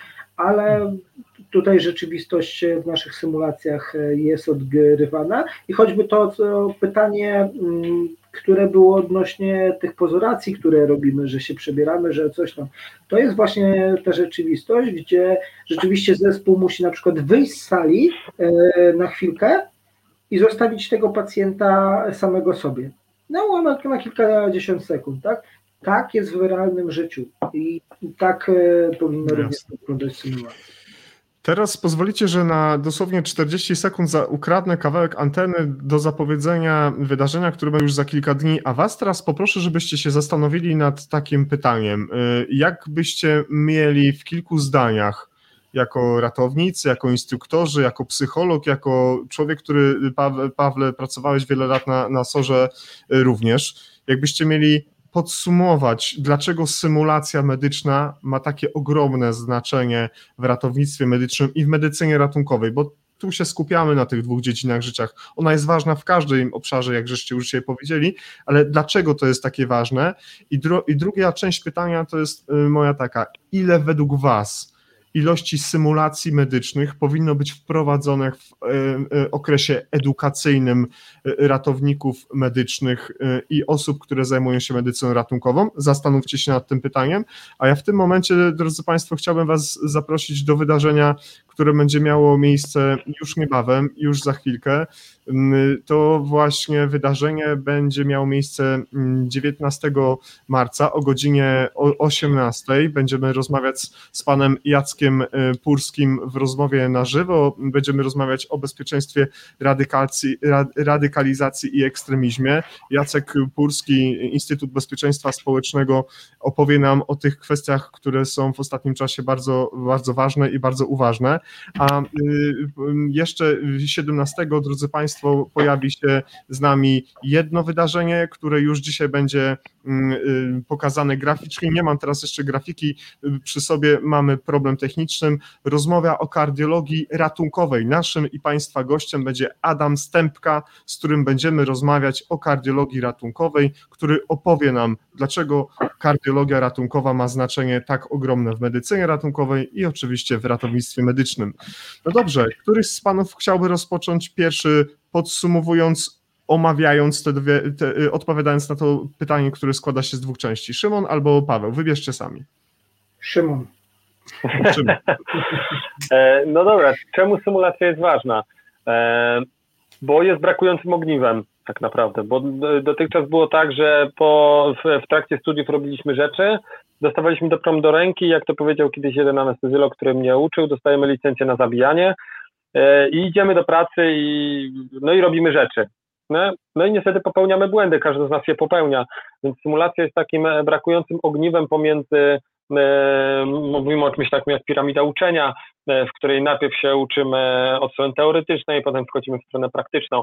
No i to było brakujące ogniwo, gdzie mogliśmy się przetestować, gdzie mogliśmy sprawdzić, gdzie mogliśmy wdrożyć, gdzie mogliśmy pracować e, i już w tej symulacji, mówiąc o symulacji wysokiej wierności, czyli tej, gdzie już odwzorowujemy sobie miejsce pracy, odwzorowujemy zespół medyczny, w którym będziemy pracować, to jest miejsce, gdzie możemy popełniać błędy w sposób bezpieczny, nikomu nie zagrażając. Dlatego wydaje mi się, że to jest siła symulacji i, i, i o tym musimy pamiętać, że ta symulacja jest i problemów nie rozwiązujemy, nie powinniśmy rozwiązywać na pacjencie, tylko problemy powinniśmy rozwiązywać przy pomocy narzędzi symulacji medycznej. Niepotrzebne jest do tego centrum symulacji medycznej, potrzebne, potrzebne są narzędzia symulacji medycznej. W dowolnym e, sorze, w dowolnym ZRM-ie można przecież położyć człowieka na nosze i przetestować rzeczy. Więc jak dla mnie to jest, to jest siła symulacji. To jest właśnie brakujące ogniwo. Mhm. A moje drugie pytanie, gdybyś miał ocenić jako instruktor, jako ratownik medyczny, jako dydaktyk y, mm, również, y, ile według Ciebie jakby decydent zapytał, ty masz siłę sprawczą decydencie, ja ci odpowiem, ile minimum takich symulacji medycznych w centrum symulacyjnym powinno się odbyć w przebiegu kształcenia ratownika medycznego bądź ratowniczki medycznej, bądź też na kursach specjalizacyjnych. Trudne pytanie, każdy mówi dużo, tak. ale Mhm. Nie, wiesz co, nie dlatego trudne, bo jeżeli siedzi się w symulacji medycznej, to wiemy, e, jak dużo narzędzi mamy do dyspozycji jak nimi gradować, jak, jak nimi, pomiędzy nimi balansować i to, co dla jednej osoby może się wydawać, że nie jest symulacją, dla, dla nas już jest na przykład symulacją. Jeżeli mówimy o takiej symulacji wysokiej wierności, czyli już takiej symulacji, w której na przykład się to dzieje w symulatorze karetki, dzieje się to w symulatorze oddziału intensywnej, w sali symulującej oddział intensywnej terapii, no to tych symulacji e, na trzecim roku studiów, na przykład na ratownictwie medycznym, no powinno być praktycznie cały ALS powinien się odbywać e, w takich warunkach. Oczywiście biorąc pod uwagę to, że na poziomie pierwszego i drugiego roku my na tak zwanej niskiej wierności czy pośredniej wierności już też nabywamy pewnych kompetencji i pewnych rzeczy się uczymy. Nie? Więc jeżeli ktoś by miał mnie zapytać, e, w jaki sposób uczyć, to moim zdaniem mniej więcej 70% wiedzy można przekazać symulacją medyczną. Tylko nie zawsze to będzie symulacja medyczna z fajerwerkami, e, gdzie będzie e, tak zwany cockpit jacuzzi, tylko tak, najpierw robimy spokojnie, mamy inne techniki, instruktor jest przy mm, pracującym studencie czy pracującej osobie, koryguje na bieżąco, potem on powoli się oddala, znika, w końcu zostawia tego człowieka samego w sali i przez te 10-15 minut ten człowiek jest zdany sam na siebie na swoje decyzje. My nie ingerujemy w te decyzje, jak popełni błąd, to popełni błąd, chociaż my unikamy mówienia o tym, że popełniamy błędy, raczej pojawiają się sytuacje wymagające poprawy i, i potem na nich sobie pracujemy. Więc moim zdaniem symulacja medyczna mogłaby wypełnić mniej więcej 70% kształcenia, mhm. tylko nie zawsze ona by wyglądała właśnie tak efektownie, jak my sobie myślimy symulacja. Mhm. A powiedz mi, w Twojej ocenie, symulacja medyczna ma wygląda wyglądać efektownie czy efektywnie? Efektywnie, ona ma być skuteczna. My zawsze, okay. zawsze jak e, przygotowujemy symulację, czy jak szkolimy innych instruktorów, to często nasza dyskusja gdzieś zbacza, idziemy daleko, a my zawsze wtedy robimy stop. Co jest celem scenariusza? Czego ty chciałeś nauczyć? Nie? I my zawsze mhm. do tego celu wracamy. I Super. często jest pytanie, może przesadziłeś z narzędziami? Może nie potrzebowaliśmy aż takich fajerwerków. Może ten no. specjalista w peruce przebrany, on tak rozkojarzył ludzi, że odciągnął ich od celu. Nie? W realu tak by mogło być. Ale czy tak, to było to... Twoim celem?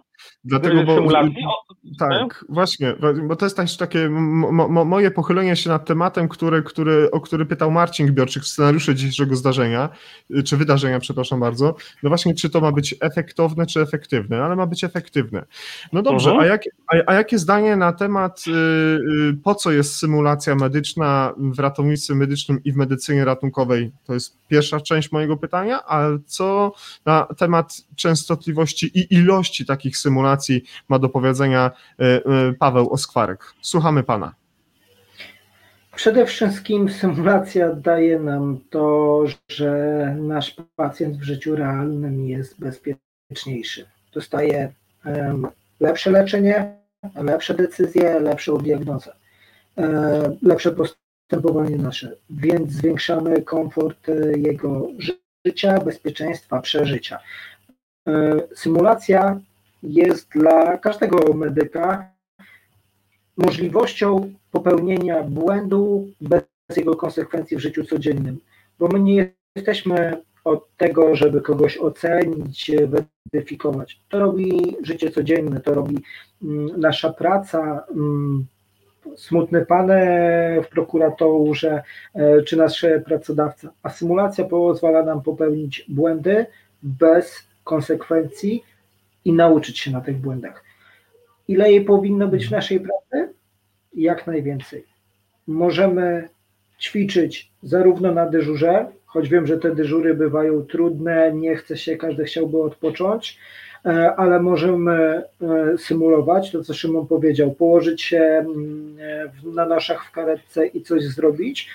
Prosta rzecz, jak wchodziła teletransmisja w warszawskich zespołach ratownictwa medycznego, e, szliśmy z kolegami z zespołów do karetki, kładliśmy się i manual, sprzęt i testowaliśmy E, jak połączenie wychodzi, jak to zoptymalizować, e, czy tablet ma być ciągle włączony, czy tam to w tamtym e, czasie i tak dalej, i tak dalej. Więc hmm. symulacja to nie jest tylko praca z pacjentem stricte, ale symulacja mm, może dotyczyć wielu aspektów, również technicznych, choćby ułożenie sprzętu przy pacjencie jak zoptymalizować ergonomia tego, e, co mhm. mieć przy sobie, e, co powinno być bezpośrednio w którym miejscu w plecaku e, i tak dalej, i tak dalej. Więc tutaj nie możemy zamknąć się w symulacji stricte na patrzenie tunelowe pacjent. Oczywiście pacjent zawsze będzie naszym głównym celem, ale żeby zoptymalizować to wszystko, to na przykład cała technika, użycie sprzętu, procedur i tak dalej będzie miało kolosalne znaczenie, bo co z tego, że ja wezmę e, ze sobą e, respirator i tak dalej, jak zostawię ten respirator 50 metrów od pacjenta i nagle hmm. go, go, będę musiał wentylować, to mam problem, bo ktoś musi po ten respirator mimo wszystko pobiec, tak? Więc to są takie drobne szczegóły, albo nie wiem, w respiratorze, żeby była maska do wentylacji, e, wszystkie rodzaje i tak dalej, i tak dalej. Więc symulacja mm, naprawdę daje nam dużo, y, duże pole y, do analizy tego wszystkiego, co w swojej pracy robimy. I do tego naprawdę niejednokrotnie niepotrzebni są instruktorzy, centra symulacji i tak dalej, bo Marcin jest tego najlepszym przykładem, że skrzyknął ludzi, z którymi pracuje, którzy chcą, przychodzą i robią, zostają po dyżurze. I tak samo możemy to zrobić hmm, na zespole, w miejscu pracy, na uczelniach i tak dalej, i tak dalej. Po prostu trzeba chcieć. Jasne. Zapraszamy do rozmowy Szymona. Szymon, jeszcze z nami, czy już tam... Jestem, jestem, jestem. jestem. Nasłuchuję. Słuchajcie, y, powiem tak. Na, na liście naszych pytań od Marcina zostało dwa albo trzy pytania. Ja te pytania oddam Wam i będę Was prosił, żebyście w ramach swojego postu na, na, na Wimie odpowiedzieli na to pytanie i my je udostępnimy u nas. Dlaczego? Dlatego, mhm. że zobaczcie, minęło nam dwie godziny rozmowy o takim temacie. Zobaczcie, ja, ja zawsze patrzę ze zdumieniem, jak moi gości mówią, ja półtora godziny rozmowa, o czym mamy rozmawiać, za długo to trwa, ale zobaczcie, jak wielkie jest zainteresowanie tematem, jak mówimy o podstawowych rzeczach, o takich rzeczach, które są nam bardzo potrzebne, jak, jak y, y, suchej ziemi woda, którą musimy mieć, żeby żyć. Tak więc bardzo chciałem Wam w tym momencie już podziękować za to, żeście znaleźli dzisiaj dwie godziny swojego bardzo cennego czasu, żeby usiąść przed monitorem. Bardzo ciężko się rozmawia do kropki, nie widząc y, kursantów, nie, nie czując ich, y, nie, nie, nie wchodząc w taką relację bardzo pośrednią, bezpośrednią fizyczną. Bardzo chciałem y, wyrazić swoje zadowolenie, żeście dzisiaj tutaj do nas przyszli i, i, i zostawiliście ogromnie dużą ilość informacji. Tak więc y, podsumujmy dzisiaj spotkanie.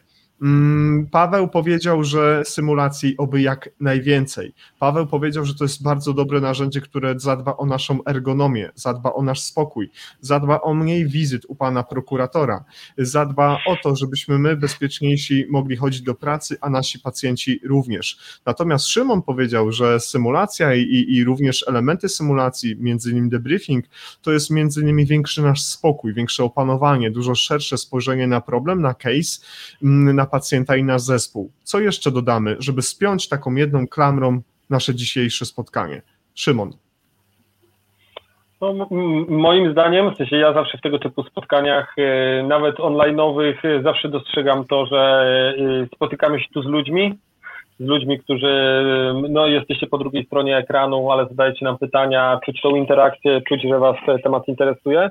Więc ja to zawsze powtarzam, że wybraliśmy sobie zawód, który wymaga od nas e, umiejętności życia z innymi ludźmi, więc ja to zawsze podkreślam i w naszej pracy i w symulacji, e, że powinniśmy się tego uczyć, powinniśmy z tego czerpać jak najwięcej, powinniśmy po prostu lubić ludzi, bo dzięki temu po prostu będziemy lepiej, lepiej pracować.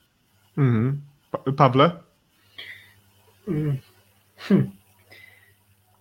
Nawet te spotkanie dużo uczy również nas, mnie, bo widzę, z czym ludzie się spotykają, czego oczekują, e, w którą stronę my mamy podążać. Te spotkanie jest dla nas również bardzo dobrą lekcją, bo widzimy, w którym kierunku mamy zmierzać. Więc e, ja dziękuję ślicznie za zaproszenie. Fajnie, że mogliśmy się pojawić. Tutaj prywatę mało zrobię. Podziękuję przede wszystkim mojej małżonce, że zadbała o moich dwóch e, synów, e, który, którzy są na dole, e, a jeden jest akurat jeszcze mm, po operacji, więc troszeczkę tym bardziej większe ukłony dla niej. No i dziękuję przede wszystkim naszym widzom, bo nie wiadomo kiedy ponad dwie godziny nam stuknęło E, było merytorycznie, było fajnie, było przyjemnie, śmiesznie, więc same, same plusy jak dla mnie. Fantastycznie. Y, mam nadzieję, że y, jeszcze dodałby coś bardzo takiego pięknego, wykwintnego w tym wszystkim y, Paweł Wiktorzy, którego bardzo serdecznie pozdrawiam i mam nadzieję, że mu dyżur minie bardzo spokojnie i, i, i bezpiecznie przede wszystkim. Y, raz jeszcze mm, dziękuję za Wasz czas. Mam nadzieję, że do zobaczenia na WIMie. Mam, za, mam nadzieję, że do zobaczenia w Centrum Symulacji Medycznej. Mm, dziękuję Wam za tytaniczną pracę, jaką robicie. Dziękuję, że Wam się chce. Dziękuję, że, że macie ochotę zmieniać tą naszą ratowniczą świadomość. Mm, dziękuję, że uczycie nas tego, że należy od siebie wymagać, a ewentualnie przez to może inni zaczną wymagać od siebie więcej. Dziękuję za Waszą pracę. Dzięki. Y, drodzy Państwo, wszystkim naszym dzisiejszym widzom dziękuję za aktywny udział. Y, tak jak powiedzieliśmy, trzy osoby zostaną rozlosowane w naszym małym konkursie i przyznaną zostanę nagrody bonusowe na zniżki na, na kursie, na kurs, o którym żeśmy rozmawiali. Ten kurs nazywa się, mm, jak dobrze pamiętam, International Emergency Medic, no, Internal Emergency Medical Course, przepraszam bardzo, za dużo tych mądrych nazw, y, który Centrum Symulacji Wojskowego Instytutu Medycznego i, i załoganci pod postacią Pawła Wiktorzaka, Pawła Oskwarka i Szymona Rokickiego y, nam y, z pewnością zaprezentują w całej okazałości. Dziękuję wszystkim słuchaczom na platformie Spotify. Już za chwilkę nasz odcinek znajdzie się tam i będzie można nas posłuchać. Ja nazywam się Jacek Borowiak, a Państwo oglądali, słuchali i widzieli kolejny odcinek Nurdistriget Live. Zobaczymy się już 17 mm, marca w rozmowie z Adamem Stępką. Szymon Rokicki, macham do Ciebie. Hej. Paweł Oskwarek, macham do Ciebie. Trzymaj się ciepło.